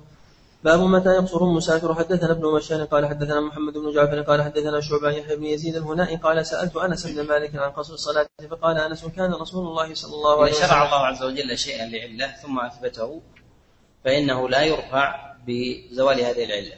لا يرفع بزوال هذه العلة بل يبقى على ما هو عليه. وذلك كمسألة القصر فإنه كان لمشقة والخوف فإنه ثم بقي ثابتا. كذلك أيضا كمشروعية الرمل بالطباع في الطواف فإن الله عز وجل شرع النبي عليه الصلاة والسلام ترهيبا وتخويفا للمشركين ظهر القوة ثم لما زالوا لا يقال بزواله باعتبار ثبات هذا الأمر. بخلاف الأمر العارض الذي شرع لأمر عارض ولم ولم يثبت أمره بعد ذلك في عمل النبي عليه الصلاة والسلام فإنه يعلق بذلك العارض وبتلك العلة فيوجد إذا وجدت ويزول إذا إذا زالت. سألت أنس بن مالك عن قصر الصلاة فقال أنس كان رسول الله صلى الله عليه وسلم إذا خرج مسيرة ثلاثة أميال أو ثلاثة فراسخ شك شعبة شك يصلي ركعتين. حدثنا زهير بن حرب قال حدثنا ابن عيينة عن محمد بن المنكدر وإبراهيم بن ميسرة أنهما سمع أنس بن مالك يقول صليت مع رسول الله صلى الله عليه وسلم الظهر بالمدينة أربعة والعصر بذي الحليفة ركعتين. باب أذان باب الأذان في السفر. حدثنا هارون بن معروف قال حدثنا ابن وهب عن عمرو بن الحارث أن أبا عشالة المعافي حدث المعافي حدثه عن عقبة بن عامر قال سمعت رسول الله صلى الله عليه وسلم يقول يعجب ربك عز وجل من رعي غنم في رأس شظية بجبل يؤذن للصلاة ويصلي فيقول الله عز وجل انظروا إلى عبدي هذا يؤذن ويقيم للصلاة يخاف مني قد غفرت لعبدي وأدخلته الجنة. باب المسافر يصلي وهو يشك في الوقت. حدثنا مسدد قال حدثنا أبو معاوية عن المسحاج بن موسى. ذلك أنه كلما خلى الإنسان وابتعد عن رؤية الناس فأدى العبادة فعبادته في ذلك أعظم. إلا ما دل الدليل على إتيانه جماعة فإنه يكون أفضل باعتبار الدليل الذي استثناه. والدليل لا يستثني عبادات التي للجماعة إلا لداع أعظم من ذلك من من إتيانها من إتيانها فرادا. وذلك لجماعة الناس وتعالفهم وغير ذلك. وإذا أدى الإنسان الشيء منفردا ولا يراه في ذلك أحد فإنه أعظم فلا يؤديه الإنسان إلا إلا مع قوة إيمان. فإن عبادات السر تنفي خبث النفاق من القلب. وذلك أنه لمن ينافق ولمن يداهن ولمن يرائي ولمن يسمع. إذا كان يصلي وهو في برية ولا يراه أحد. أو يسبح في ظلمة ولا يسمعه أحد. أو يفعل شيئا من العبادات والطاعات.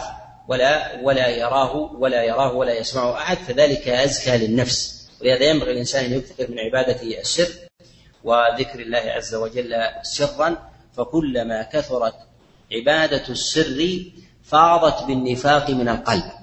فاضت بالنفاق من القلب ولا يخلو قلب من نفاق ولو من شيء يسير. فإذا امتلأ القلب من عبادة السر فاض فاض بها ولم يبقى منها ولم يبقى منها شيء. نعم. عن المسحاج بن موسى قال قلت لانس بن مالك حدثنا ما سمعت من رسول الله صلى الله عليه وسلم قال كنا إذا كنا مع رسول الله صلى الله عليه وسلم في السفر فقلنا زالت الشمس أو لم تزل صلى الظهر ثم ارتحل. حدثنا مسدد قال حدثنا عن شعبة قال حدثني حمزة العائدي قال حدثني حمزة العائدي رجل من بني ضبة قال سمعت أنس بن مالك يقول كان رسول الله صلى الله عليه وسلم إذا نزل منزلا لم يرتحل حتى يصلي الظهر فقال له رجل وإن كان بنصف النهار؟ قال وإن كان بنصف النهار. باب الجمع بين الصلاتين. حدثنا قال النبي عن مالك عن أبي زبير المكي عن أبي الطفيل عامر بن واثلة أن معاذ بن جبل اخبره انهم خرجوا مع رسول الله صلى الله عليه وسلم في غزوة تبوك. كان رسول الله صلى الله عليه وسلم يجمع بين الظهر والعصر والمغرب والعشاء فأخر الصلاة يوما ثم خرج فصلى الظهر والعصر جميعا ثم دخل ثم خرج فصلى المغرب والعشاء جميعا. حدثنا سليمان بن داود العتكي قال حدثنا حماد قال حدثنا أيوب عن نافع أن ابن عمر استصرخ على صفية وهو بمكة فسار حتى غربت الشمس وبدت النجوم فقال إن النبي صلى الله عليه وسلم كان إذا عجل به أمر في سفر جمع بين هاتين الصلاتين فسار حتى غاب الشفق فنزل فجمع بينهما. حدثنا يزيد بن خالد بن يزيد بن عبد الله بن وهو بن الهمداني قال حدثنا المفضل بن فضالة والليث بن سعد عن هشام بن سعد عن أبي زبير عن أبي طفيل عن معاذ بن جبل أن رسول الله صلى الله عليه وسلم كان في غزوة تبوك فاذا زاغت الشمس قبل أن يرتحل جمع بين الظهر والعصر وإن يرتحل قبل أن تزيغ الشمس اخر الظهر حتى ينزل للعصر. وفي المغرب مثل ذلك إن غابت الشمس قبل أن يرتحل جمع بين المغرب والعشاء وأن يرتحل قبل أن تغيب الشمس أخر المغرب حتى ينزل العشاء ثم جمع بينهما.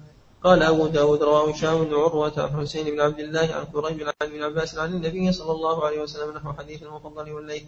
حدثنا قتيبة قال حدثنا عبد الله بن نافع عن أبي موجود عن سليمان بن أبي يحيى عن ابن عمر قال ما جمع رسول الله صلى الله عليه وسلم بين المغرب والعشاء قط في السفر إلا مرة. قال أبو داود هذا يرى عن أيوب عن نافع عن ابن عمر موقوفا على ابن عمر أنه لم يرى ابن عمر جمع بينهما قط إلا تلك الليلة يعني ليلة السصرق على صفية وروي من حديث مكحول عن نافع أنه رأى ابن عمر فعل ذلك مرة أو مرتين.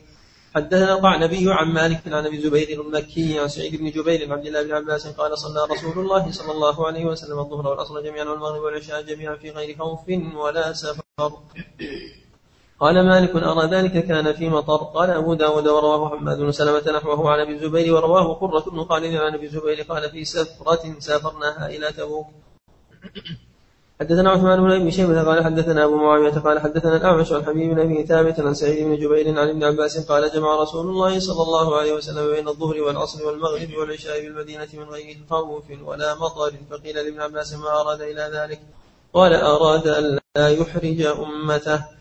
حدثنا محمد بن عبيد المحاربي قال حدثنا محمد بن فضيل عن أبيه عن نافع وعبد الله بن واقد أن مؤذن ابن عمر قال الصلاة قال السر حتى إذا كان قبل غيوب الشفق نزل فصلى المغرب ثم انتظر حتى غاب الشفق فصلى العشاء ثم قال إن رسول الله صلى الله عليه وسلم كان إذا عجل به أمر صنع مثل الذي صنعت فسار في ذلك اليوم والليلة مسيرة ثلاث. قال أبو داود رواه ابن جابر عن نافع نحو هذا بإسناده.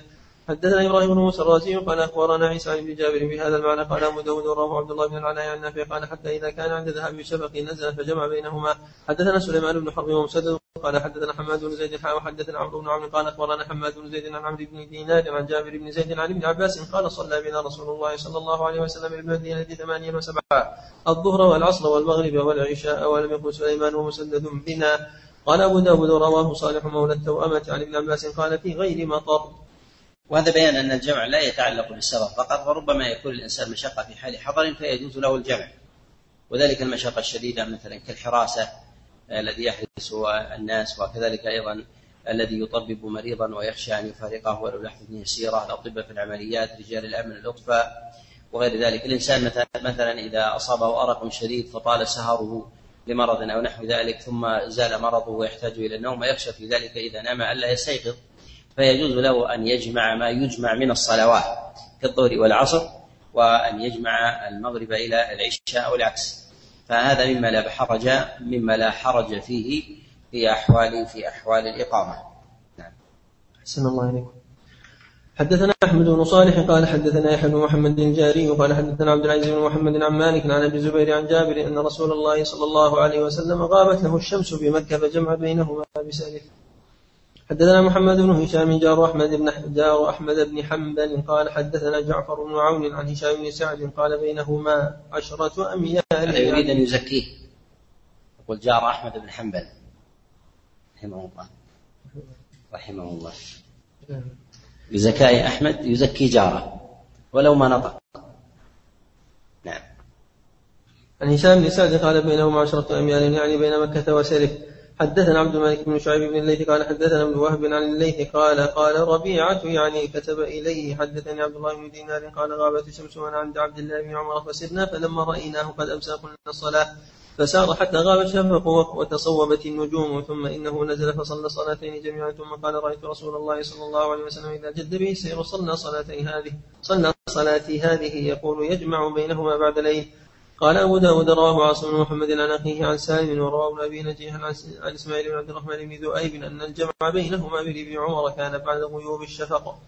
حدثنا قتيبة بن موهب المعنى قال حدثنا المفضل عن عقيل عن شهاب عن أنس بن مالك قال كان رسول الله صلى الله عليه وسلم إذا ارتحل قبل أن تزيغ الشمس واخر الظهر إلى وقت العصر ثم نزل وجمع بينهما فإن زاغت الشمس قبل أن يرتحل صلى الظهر ثم ركب ثم ركب صلى الله عليه وسلم قال أبو داود كان مفضل قاضي مصر وكان مجاب الدعوة وهو ابن فضالة. حدثنا سليمان بن داود المهري وقال حدثنا ابن وهب قال أخبرني جابر بن إسماعيل عن عقيل بهذا الحديث بإسناده قال ويؤخر المغرب حتى يجمع بينه بينها وبين العشاء حين يغيب, يغيب الشفق. حدثنا قتيبة بن سعيد قال حدثنا الليث عن يزيد بن أبي حبيب عن أبي طفيل عامر بن واثلة عن معاذ بن جبل أن النبي صلى الله عليه وسلم كان في غزوة تبوك إذا ارتحل قبل أن تزيغ الشمس أخر الظهر حتى يجمعها إلى يجمعها إلى العصر فيصليهما جميعا. وإذا ارتحل بعد زيغ الشمس صلى الظهر والعصر جميعا ثم سار وكان إذا ارتحل قبل المغرب أخر المغرب حتى يصليها مع العشاء وإذا ارتحل بعد المغرب عجل العشاء فصلاها مع المغرب. قال أبو داود ولم يروي هذا الحديث إلا قتيبة وحده. باب قصر قراءة الصلاة في السفر حدثنا حفص بن عمر قال حدثنا شعبة عن عدي بن ثابت عن البراء قال خرجنا مع رسول الله صلى الله عليه وسلم في سفر فصلى بنا العشاء الآخر فقرأ في إحدى الركعتين والتين والزيتون. باب التطوع في السفر. السنة ألا يطيل في صلاة السفر حتى الفجر. ألا يطيل فيها ويقرأ في القصار. وهكذا كان الخلفاء الراشدون أيضا. جاء النبي عليه الصلاة والسلام أنه قرأ الزلزلة في ركعتين. وفي الحديث كلام وجاء أيضا في قراءة معوذتين. أيضا وجاء عن عمر بن الخطاب عليه رضوان الله أنه قرأ في سفر لإلاف قريش في صلاة الفجر. وهذا يدل على أن الأصل في السفر يختلف عن غيره. الأصل في السفر يختلف عن عن الحضر. وأن الإطالة وتقسيم الطوال والقصار والمفصل أواسطه وقصاره أن هذا يتعلق بحال الإقامة. أما السفر فكله قصار. أما السفر فكله فكله قصار هذا هو الأصل. نعم. أحسن الله عليكم. باب التطوع في السفر. حدثنا قتيبة بن سعيد قال حدثنا الليث عن صفوان بن سليم من أبي بشرة الغفاري عن, عن البراء بن عازب الأنصاري قال صحبت رسول الله صلى الله عليه وسلم ثمانية عشر سفرا فما رأيته ترك ركعتين إذا زاغت الشمس قبل الظهر. حدثنا قال النبي قال حدثنا عيسى بن حفص بن عاصم بن عمر بن الخطاب عن أبيه قال صحبت ابن عمر في طريق قال فصلى بنا ركعتين ثم أكمل فراى ناسا قياما فقال ما يصنع هؤلاء كنتم يسبحون؟ قال لو كنت مسبحا لاتممت صلاتي. يا ابن أخي إني صحبت رسول الله صلى الله عليه وسلم في السفر فلم يزد ركعتين حتى قبضه الله عز وجل وصحبت أبا بكر فلم يزد ركعتين حتى قبضه الله عز وجل وصحبت عمر فلم يزد ركعتين حتى قبضه الله عز وجل وصحبت عثمان فلم يزد ركعتين. حتى قبضه الله عز وجل وقد قال الله عز وجل لقد كان لكم في رسول الله أسوة حسنة. باب التطوع على الراحلة والوتر حدثنا أحمد بن صالح قال حدثنا ابن وهب قال أخبرني يونس عن ابن شهاب عن سالم عن أبيه قال فكان رسول الله صلى الله عليه وسلم يسبح على الراحلة أي وجه توجه ويوتر عليها غير أنه لا يصلي المكتوبه عليها. حدثنا مسدد قال حدثنا ربعي بن عبد الله بن الجارود قال حدثني عمرو بن أبي الحجاج قال حدثني الجارود بن أبي سبرة قال حدثني أنس بن مالك أن رسول الله صلى الله عليه وسلم كان إذا سافر فأراد أن يتطوع استقبل بناقته القبله فكبر ثم صلى حيث وجهه ركابه. حدثنا القعنبي عن مالك عن عمرو بن يحيى المازني عن أبي الحباب سعيد بن يسار عن عبد الله بن عمر أنه قال رأيت رسول الله صلى الله عليه وسلم يصلي على حمار وهو متوجه إلى خيبر. قال حدثنا عثمان بن أبي شيبة. قال حدثنا موكع عن سفيان عن أبي الزبير عن جابر قال بعثني رسول الله صلى الله عليه وسلم في حاجة. قال فجئت وهو يصلي على راحلته نحو المشرق. السجود أخفض من الركوع. باب الفريضة على الراحلة من عذر حدثنا محمود بن خالد. قال حدثنا محمد بن شعيب عن النعمان بن منذر عن عطاء بن أبي رباح أنه سأل عائشة هل رخص للنساء في ان يصلين على الدواب. قالت لم يرخص لهن في ذلك في شدة ولا رخاء. قال محمد هذا في المكتوبه باب متى يتم المسافر؟ حدثنا موسى بن إسماعيل. قال حدثنا حماد حا وحدثنا وذلك أن الأصل في النساء انهن يكن على الدواب في الهودج خلاف الرجال فإنهم يسيرون ويقودون ويقودون الدواب. فيسألنا عن هذا الترخص هل تنزل المرأة أو لا تنزل أم لها استثناء؟ فجاء الجواب على هذا. نعم. السلام عليكم. باب متى يتم المسافر؟ حدثنا موسى بن إسماعيل قال حدثنا حماد حا وحدثنا إبراهيم بن موسى قال أخبرنا ابن علية وهذا لفظه. قال أخبرنا علي بن زيد عن أبي نظرة عن عمران بن حسين قال غزوت مع رسول الله صلى الله عليه وسلم وشهدت معه الفتح فأقام بمكة ثمانية عشرة ليلة لا يصلي إلا ركعتين. يقول يا أهل البلد صلوا أربعا فإنا سفر.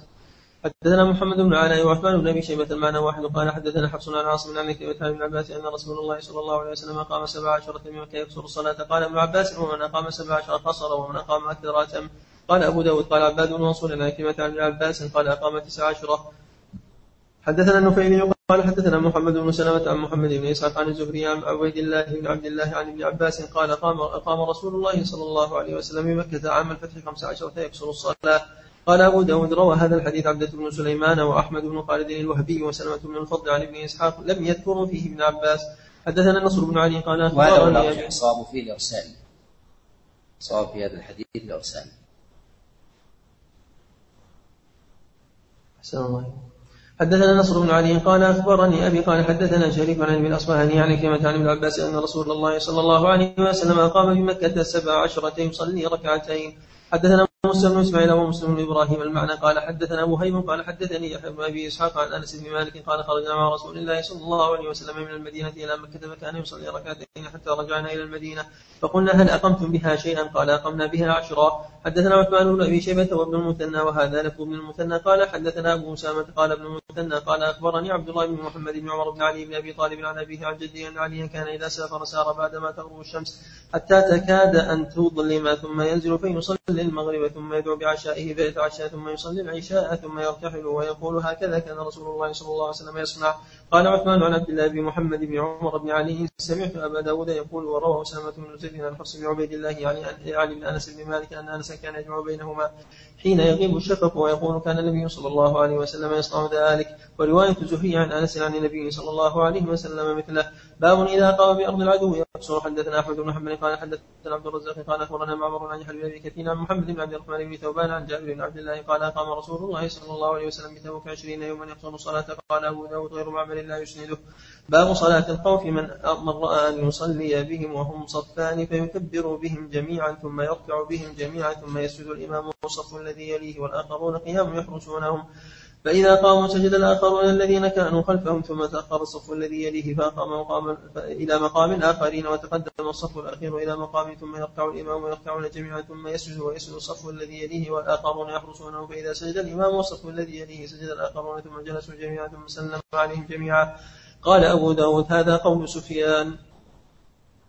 حدثنا سعيد بن منصور قال حدثنا جرير بن عبد الحميد عن منصور عن مجاهد عن أبي عياش الزرقي قال كنا مع رسول الله صلى الله عليه وسلم بعثمان وعلى المشركين قال ابن الوليد فصلينا الظهر فقال المشركون قد أصبنا غرة قد أصبنا غفلة لو كنا حملنا عليهم وهم في الصلاة فنزلت آية الفصل بين الظهر والعصر.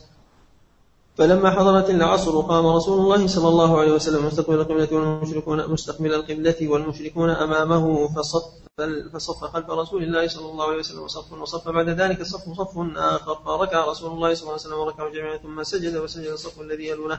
وقام الآخرون يحرسونه فلما صلى هؤلاء السجدتين وقاموا سجد الآخرون الذين كانوا خلفهم. ثم تأخر الصف الذي يليه إلى مقام الآخرين وتقدم الصف الأخير إلى مقام الصف الذي يليه وقام الآخرون يحرسونهم.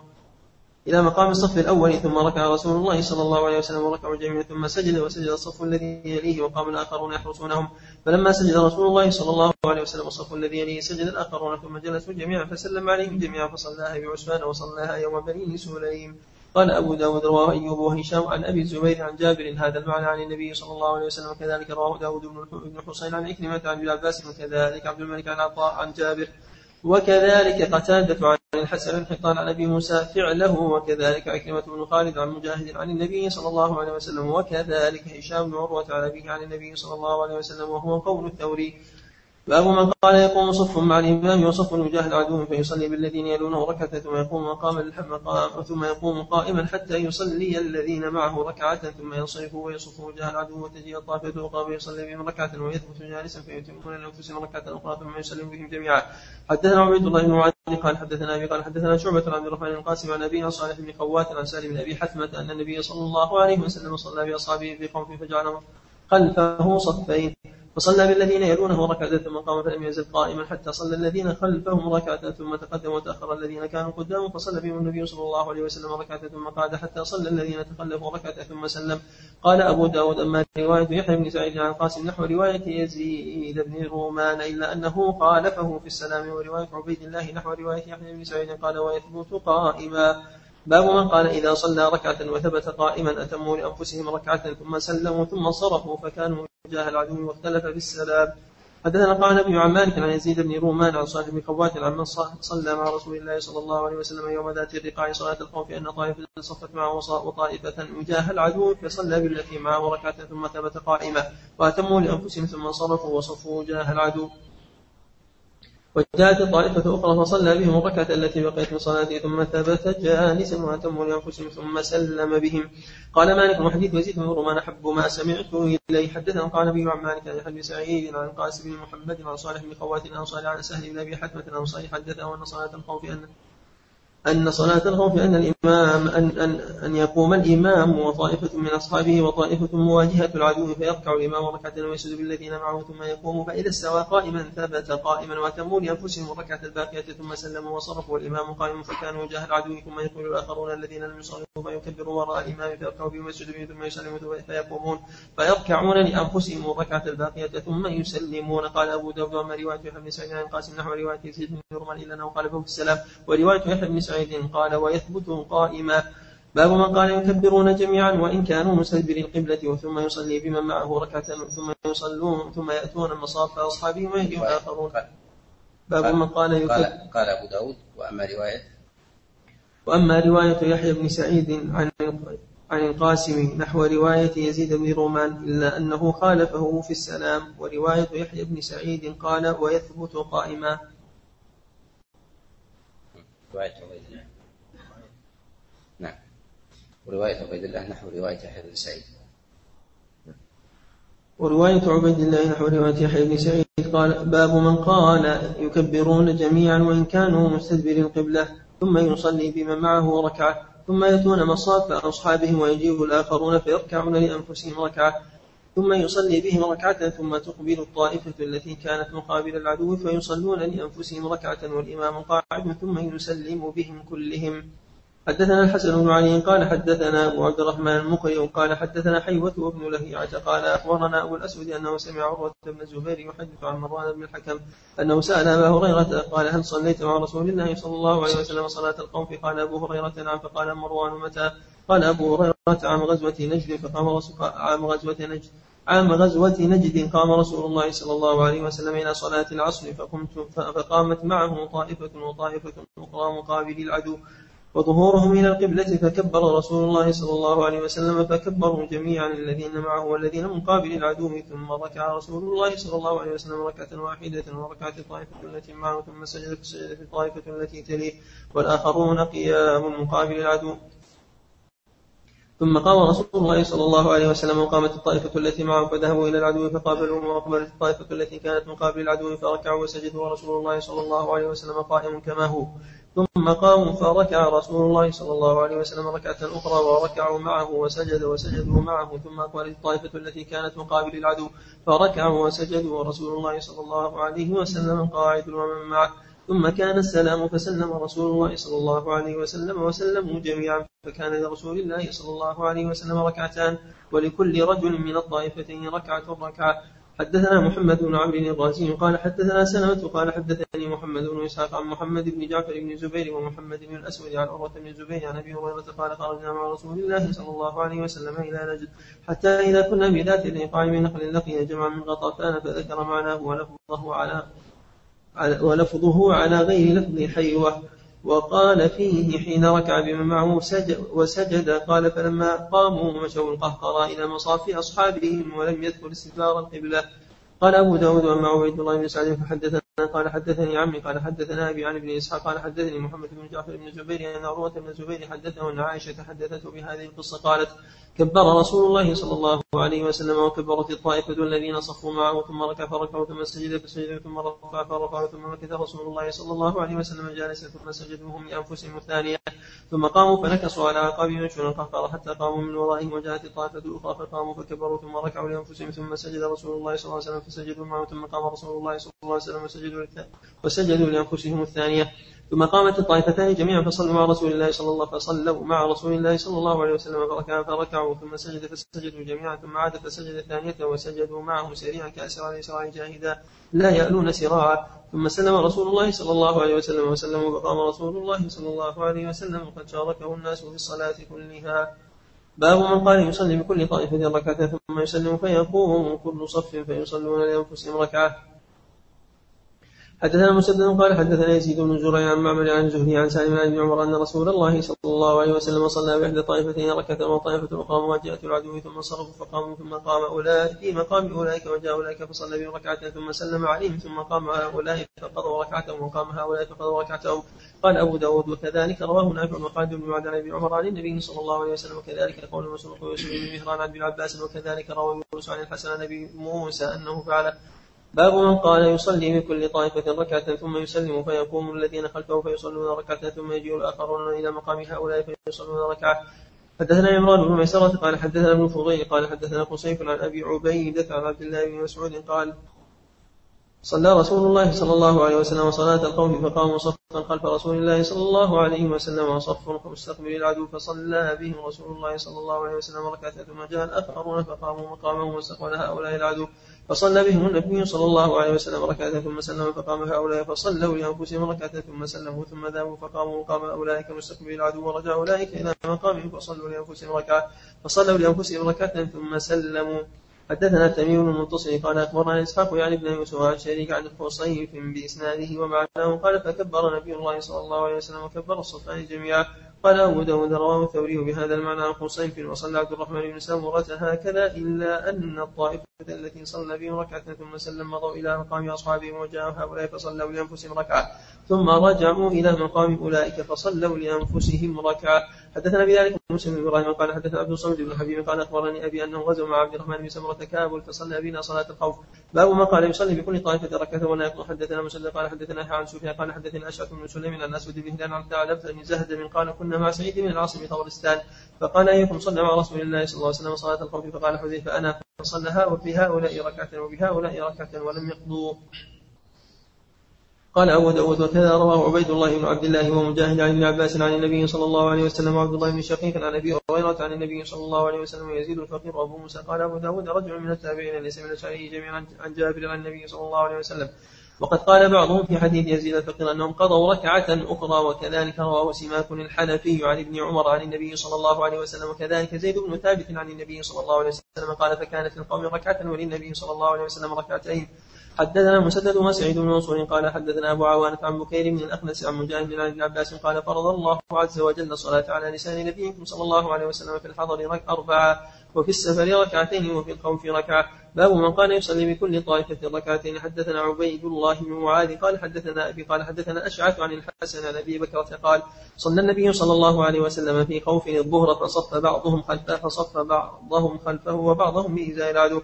فصلى ركعتين ثم سلم فانطلق. الذين صلوا خلف معه فوقفوا موقف أصحابهم ثم جاء أولئك فصلوا خلفه فصلى بهم ركعتين ثم سلم.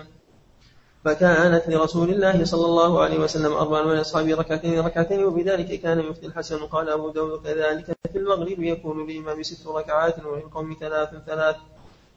قال أبو داود وكذلك رواه يحيى بن أبي كثير عن أبي سلمة عن جابر عن النبي صلى الله عليه وسلم وكذلك قال سليمان اليشكري سليمان اليشكري عن جابر عن النبي صلى الله عليه وسلم. باب من العلماء من قال إن صلاة إن صلاة الخوف هي على صفة واحدة في في جميع الفرائض سواء كانت الفجر أو أو الظهر والعصر والمغرب أو الثلاثية كصلاة ك أو العشاء أو الثلاثية كالمغرب.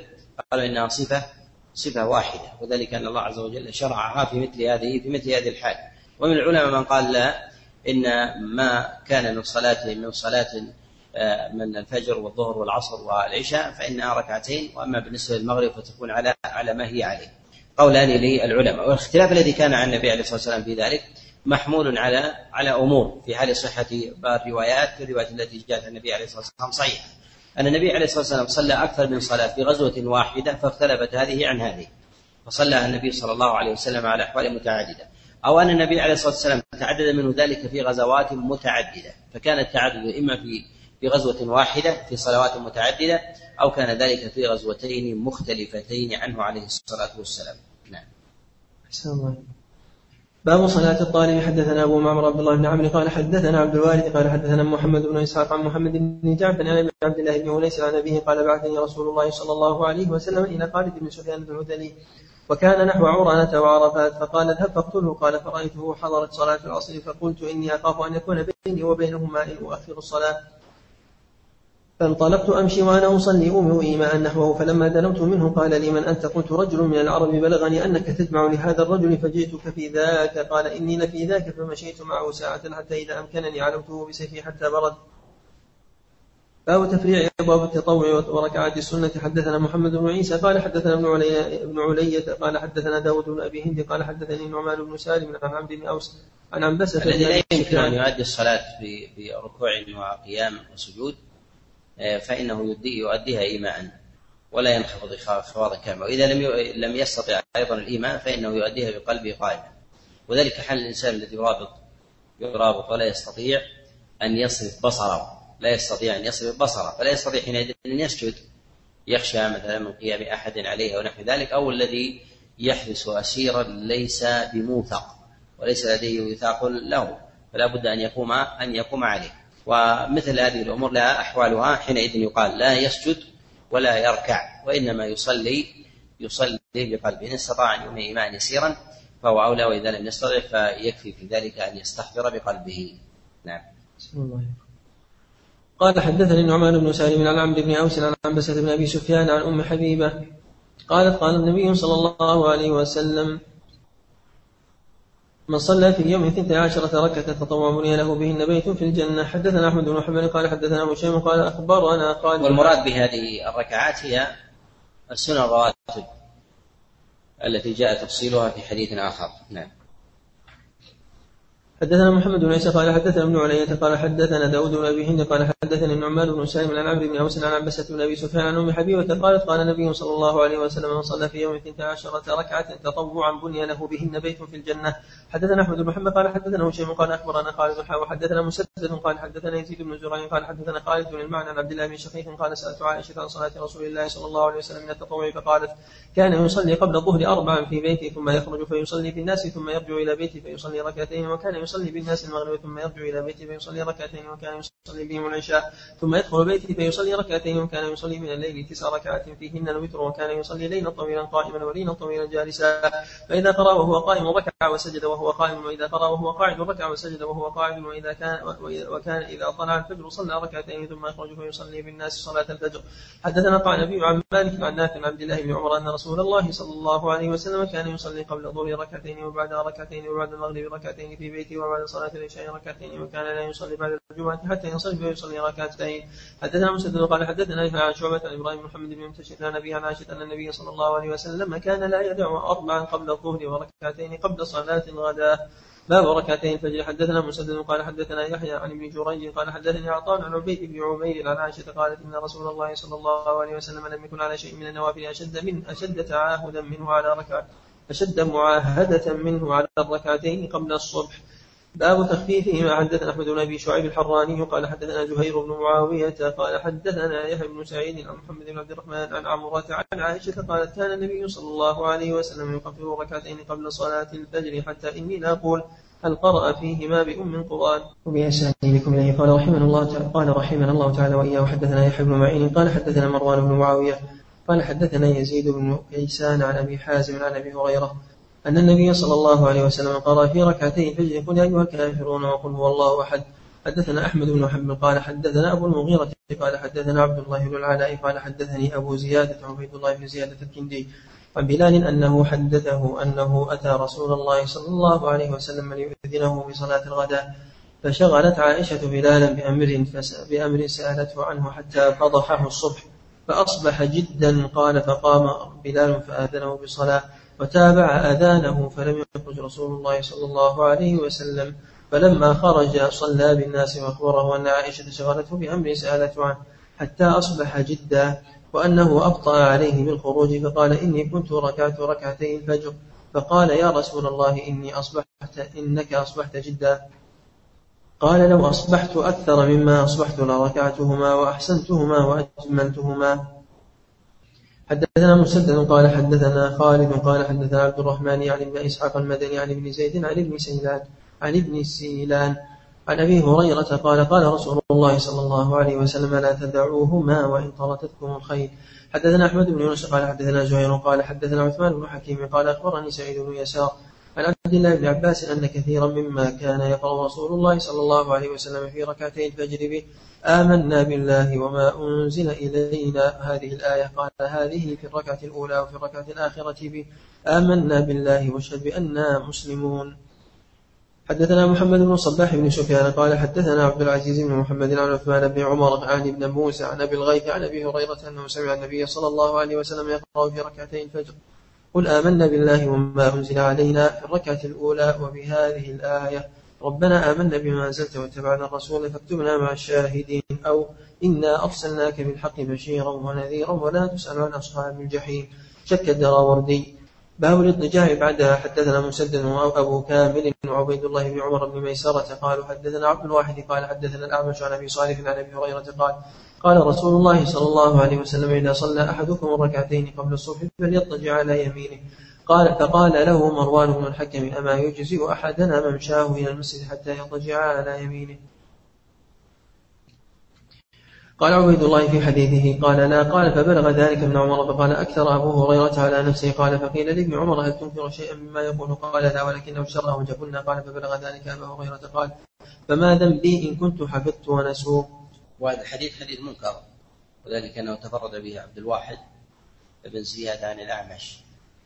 وقد أنكره عليه الإمام أحمد رحمه الله وأعله به كما نقل ذلك ابن القيم رحمه الله في كتابه الزاد. نعم. حدثنا يحيى بن حكيم قال حدثنا بشر بن عمر قال حدثنا مالك بن أنس. رجعت الفجر التي تكون بعد ركعتين ثبتت من فعل النبي لا من قوله وأمره. قال حدثنا مالك بن أنس عن سالم بن أبي النضر عن أبي سلمة بن عبد الرحمن عن عائشة قالت كان رسول الله صلى الله عليه وسلم إذا قضى صلاته من آخر الليل نظر فإن كنت مستيقظة حدثني وإن كنت نائمة ايقظني وصلى ركعتين ثم اضطجع حتى يأتيه المؤذن فيؤذنه بصلاة الصبح فيصلي ركعتين خفيفتين ثم يخرج إلى الصلاة. حدثنا مسدد قال حدثنا سفيان عن زياد بن سعد عمن حدثه عمن حدثه ابن أبي عتاب أو غيره عن أبي سلمة قال قالت عائشة كان النبي صلى الله عليه وسلم إذا صلى ركعتي الفجر فإن كنت نائمة اضطجع وإن كنت مستيقظة حدثني حدثنا عباس بن عنبري وزياد بن يحيى قال حدثنا سهل بن حماد عن أبي مكين قال حدثنا أبو الفضل رجل من الأنصار عن مسلم بن أبي بكر عن أبيه قال خرجت مع النبي صلى الله عليه وسلم لصلاة الصبح فكان لا يمر برجل إلا ناداه بالصلاة أو حركه برجله. قال زياد قال حدثنا أبو الفضيل باب إذا أدرك الإمام ولم يصلي ركعتي الفجر. حدثنا سليمان بن حرب قال حدثنا حماد بن زيد عن عاصم عن عبد الله بن سرجس قال جاء رجل والنبي صلى الله عليه وسلم يصلي الصبح فصلى الركعتين ثم دخل مع النبي صلى الله عليه وسلم في الصلاة فلما صلى قال يا فلان أيتهما أيتهما صلاتك التي صليت وحدك أو التي صليت معنا؟ حدثنا مسلم بن إبراهيم قال حدثنا حماد بن سلمة حا وحدثنا أحمد بن محبل قال حدثنا محمد بن جعفر قال حدثنا شعبة بن وضاح وحدثنا الحسن بن علي. قال حدثنا أبو عاصم عن ابن جريج حا وحدثنا الحسن بن علي. قال حدثنا يزيد بن هارون عن حماد بن زيد عن أيوب حا وحدثنا محمد بن المتوكل قال حدثنا عبد الرزاق قال أخبرنا زكريا بن إسحاق كلهم عن عمرو بن دينار عن عطاء بن يسار عن أبي هريرة قال قال رسول الله صلى الله عليه وسلم إذا أقيمت الصلاة فلا صلاة إلا المكتوبة. باب من فاتته متى يقضيها. حدثنا عثمان بن أبي شيبة قال حدثنا ابن نمير عن سعد بن سعيد قال حدثني محمد بن إبراهيم عن قيس بن عبد قال رأى رسول الله صلى الله عليه وسلم رجلا يصلي بعد صلاة الصبح ركعتين فقال رسول الله صلى الله عليه وسلم صلاة الصبح ركعتين. فقال الرجل إني لم أكن صليت الركعتين اللتين قبلهما فصليتهما الآن. فسكت رسول الله صلى الله عليه وسلم. حدثنا حامد بن يحيى البلخي قال حد قال قال سفيان كان عطاء أبي رباح يحدث بهذا الحديث عن سعد بن سعيد. قال أبو داود وروى عبد ربه ويحيى بن سعيد هذا الحديث. أن جدهم زيدا صلى مع النبي صلى الله عليه وسلم. ولم يثبت عن النبي عليه الصلاة والسلام في قضاء سنة الفجر خبر. إلا في قضائها مع الفجر حينما نام عنها النبي عليه الصلاة والسلام فصلى قبل الفجر ثم ثم صلى الفجر بعدها. وإنما جاء ذلك عن بعض الصحابة أنهم كانوا يصلونها بعد الفجر لمن فاتته. لمن فاتته. أما المرفوع فلا يثبت في ذلك شيء عن النبي عليه الصلاة والسلام. وحديث قيس وأبي هريرة لا يحتج بهما. نعم. باب الأربع قبل الظهر وبعد حدثنا مؤمل بن فضل قال حدثنا محمد بن شعيب عن نعمان عن مكحول عن عبسة بن أبي سفيان قال قالت أم حبيبة زوج النبي صلى الله عليه وسلم قال رسول الله صلى الله عليه وسلم من حافظ على أربع ركعات قبل الظهر وأربع بعدها حرم على النار. قال أبو داود رواه العلاء بن الحارث وسليمان بن موسى عن مكحول مثله. حدثنا ابن المثنى قال حدثنا محمد بن جعفر قال حدثنا شعبة قال سمعت عبيدة يحدث عن إبراهيم عن ابن جابر عن قرة عن. عن أبي أيوب عن النبي صلى الله عليه وسلم قال أربع قبل الظهر ليس فيهن تسليم تفتح لهن أبواب السماء. قال أبو داود بلغني عن يحيى بن سعيد القطان قال لو حدثت لو حدثت عن عبيدة بشيء لحدثت عنه بهذا الحديث. قال أبو داود عبيدة ضعيف. قال أبو داود ابن جابر هو سهل. باب الصلاة قبل العصر. حدثنا أحمد بن إبراهيم قال حدثنا أبو داود قال حدثنا محمد بن مهران القرشي قال حدثني جدي أبو المثنى عن ابن عمر قال قال رسول الله صلى الله عليه وسلم رحم الله امرأ صلى قبل العصر أربعة. حدثنا حفص بن عمر قال ذلك ضعيف فإنه تفرد به محمد بن مسلم بن مهران يرويه عن جده. وقد عل هذا الحديث أبو زرعة رحمه الله. نعم. حدثنا حفص بن عمر قال حدثنا شعبة عن أبي عن أبي إسحاق عن عاصم بن ضمرة عن علي أن النبي صلى الله عليه وسلم كان يصلي قبل العصر ركعتين. وعل هذا الحديث أيضا ابن المبارك كما نقله الترمذي وتفرد به أبو إسحاق عن عاصم بن ضمرة عن علي بن أبي طالب ولا يعرف عن علي بن أبي طالب إلا من هذا الوجه ولهذا يقول مبارك هذا كذب نعم باب الصلاة بعد العصر. حدثنا أحمد بن صالح قال حدثنا عبد الله بن وهب قال أخبرني عمرو وعلى هذا نقول إنه لا يثبت عن النبي عليه الصلاة والسلام قبل صلاة العصر شيء مقدار معين. وإنما يصلي الإنسان ما يقدر له من ركعتين أربعة ستة لكن التزام شيء معين لم يثبت في هذا الشيء. الله باب الصلاة بعد العصر. حدثنا أحمد بن صالح قال حدثنا عبد الله بن وهب قال أخبرني عمرو بن الحارث عن بكير بن الأشج عن كريب مولى بن عباس عن أن عبد الله بن عباس وعبد الرحمن بن الأزهر والمسور بن مخرمة أرسلوه إلى عائشة زوج النبي صلى الله عليه وسلم فقالوا اقرأ عليها السلام منا جميعا وسلها عن الركعتين بعد العصر وقل إنا أخبرنا أنك تصلينهما وقد بلغنا أن رسول الله صلى الله عليه وسلم نهى عنهما فدخلت عليها فبلغتها ما أرسلوني به فقالت سل أم سلمة. فخرجت إليها فأخبرتهم بقولها فردوني إلى أم سلمة بمثل ما أرسلوني به إلى عائشة. فقالت أم سلمة سمعت رسول الله صلى الله عليه وسلم ينهى عنهما ثم رأيته يصليهما. أما حين صلاهما فإنه صلى العصر ثم دخل وعندي نسوة من بني حرام من الأنصار فصلاهما فأرسلت إليه الجارية فقلت قومي بجنبه فقولي له تقول أم سلمة. يا رسول الله أسمعك تنهى عن هاتين الركعتين وأراك تصليهما. فإن أشار بيده فاستأخري عنه. قالت ففعلت الجارية فأشار بيده فاستأخرت عنه. فلما صار فقال يا ابنة أبي أمية سألت عن الركعتين بعد العصر إنه أتاني ناس من بني عبد من بني عبد القيس بالإسلام من قومهم فشغلوني عن الركعتين اللتين بعد الظهر فهما هاتان. باب من رخص فيهما إذا كانت الشمس مرتفعة. حدثنا مسلم بن إبراهيم قال حدثنا شعبة عن منصور إلى الهلال بن إساف عن وهب بن الأجدع عن علي أن النبي صلى الله عليه وسلم نهى عن الصلاة بعد العصر إلا والشمس مرتفعة. حدثنا محمد بن كثير قال أخبرنا سفيان عن أبي إسحاق عن عاصم بن طمرة عن علي قال كان رسول الله صلى الله عليه وسلم يصلي في إثر كل صلاة مكتوبة ركعتين إلا الفجر والعصر. حدثنا مسلم بن إبراهيم قال حدثنا أبان قال حدثنا قتادة عن أبي العالية عن ابن عباس قال شهد عندي رجال مرضيون فيهم عمر بن الخطاب وأرضاهم عندي عمر أن نبي الله صلى الله عليه وسلم قال لا صلاة بعد صلاة الصبح حتى تطلع الشمس ولا صلاة بعد صلاة العصر حتى تغرب الشمس. حدثنا الربيع بن نافع قال حدثنا محمد بن المهاجر عن العباس بن سالم عن أبي سلام عن أبي أمامة عن عبد بن عباس السلمي أنه قال قلت يا رسول الله أي الليل أسمع؟ قال جوف الليل الآخر فصل ما شئت فإن الصلاة مشهودة مكتوبة حتى تصلي الصبح. ثم أقصى حتى تطلع الشمس فترتفع قيس رمح أو رمحين فإنها تطلع بين قرني شيطان. ويصلي لها الكفار ثم صل ما شئت فإن الصلاة مشهودة مكتوبة حتى يعدل الرمح ظله. ثم أقصر فإن جهنم تسجر وتفتح أبوابها فإذا زاغت الشمس فصل ما شئت. فإن الصلاة مشهودة حتى تصلي العصر ثم أقصر حتى تغرب الشمس فإنها تغرب بين قرني الشيطان ويصلي لها الكفار وقص حديث طويلا قال العباس هكذا حدثني أبو سلام عن أبي أمامة إلا أن أخطئ شيئا لا أريده فأستغفر الله وأتوب إليه. حدثنا مسلم وهذا أصح شيء في بيان الوقت الفاصل في وضع النهي بعد ارتفاع الشمس أنه قيس رمح أو رمحين وبعضهم يتكلم به وبعضهم وبعضهم يحسنه. نعم. حدثنا مسلم بن إبراهيم قال حدثنا وهيب قال حدثنا قدامة بن موسى عن أيوب بن حسين عن أبي علقمة عن يسار مولى ابن مولى ابن عمر قال وعن ابن عمر وأنا أصلي بعد طلوع الفجر فقال يا يسار ان كان ان رسول الله صلى الله عليه وسلم خرج علينا ونحن نصلي هذه الصلاة فقال ليبلغ شاهدكم غائبكم لا تصلوا بعد الفجر إلا سجدتين حدثنا حفص بن عمر قال حدثنا شعبة عن أبي إسحاق عن الأسود ومنصور قال أنا أشهد على عائشه أنها قالت ما من يوم يأتي علي على النبي صلى الله عليه وسلم إلا صلى بعد العصر ركعتين. حدثنا عبيد الله بن سعد قال حدثنا عمي قال حدثنا أبي عن ابن إسحاق محمد بن عمرو بن عطاء عن ذكوان مولى عائشة أنها حدثته أن رسول الله صلى الله عليه وسلم كان يصلي بعد العصر وينهى عنها ويواصل وينهى عن الوصال باب الصلاة قبل المغرب. حدثنا عبيد الله بن عمر قال حدثنا عبد الوارث بن سعيد عن الحسين المعلم عن عبد الله بن بريدة عن عبد الله بن مزني قال قال رسول الله صلى الله عليه وسلم صلوا قبل المغرب ركعتين ثم قال صلوا قبل المغرب ركعتين لمن شاء خشية أن يتخذها الناس سنة.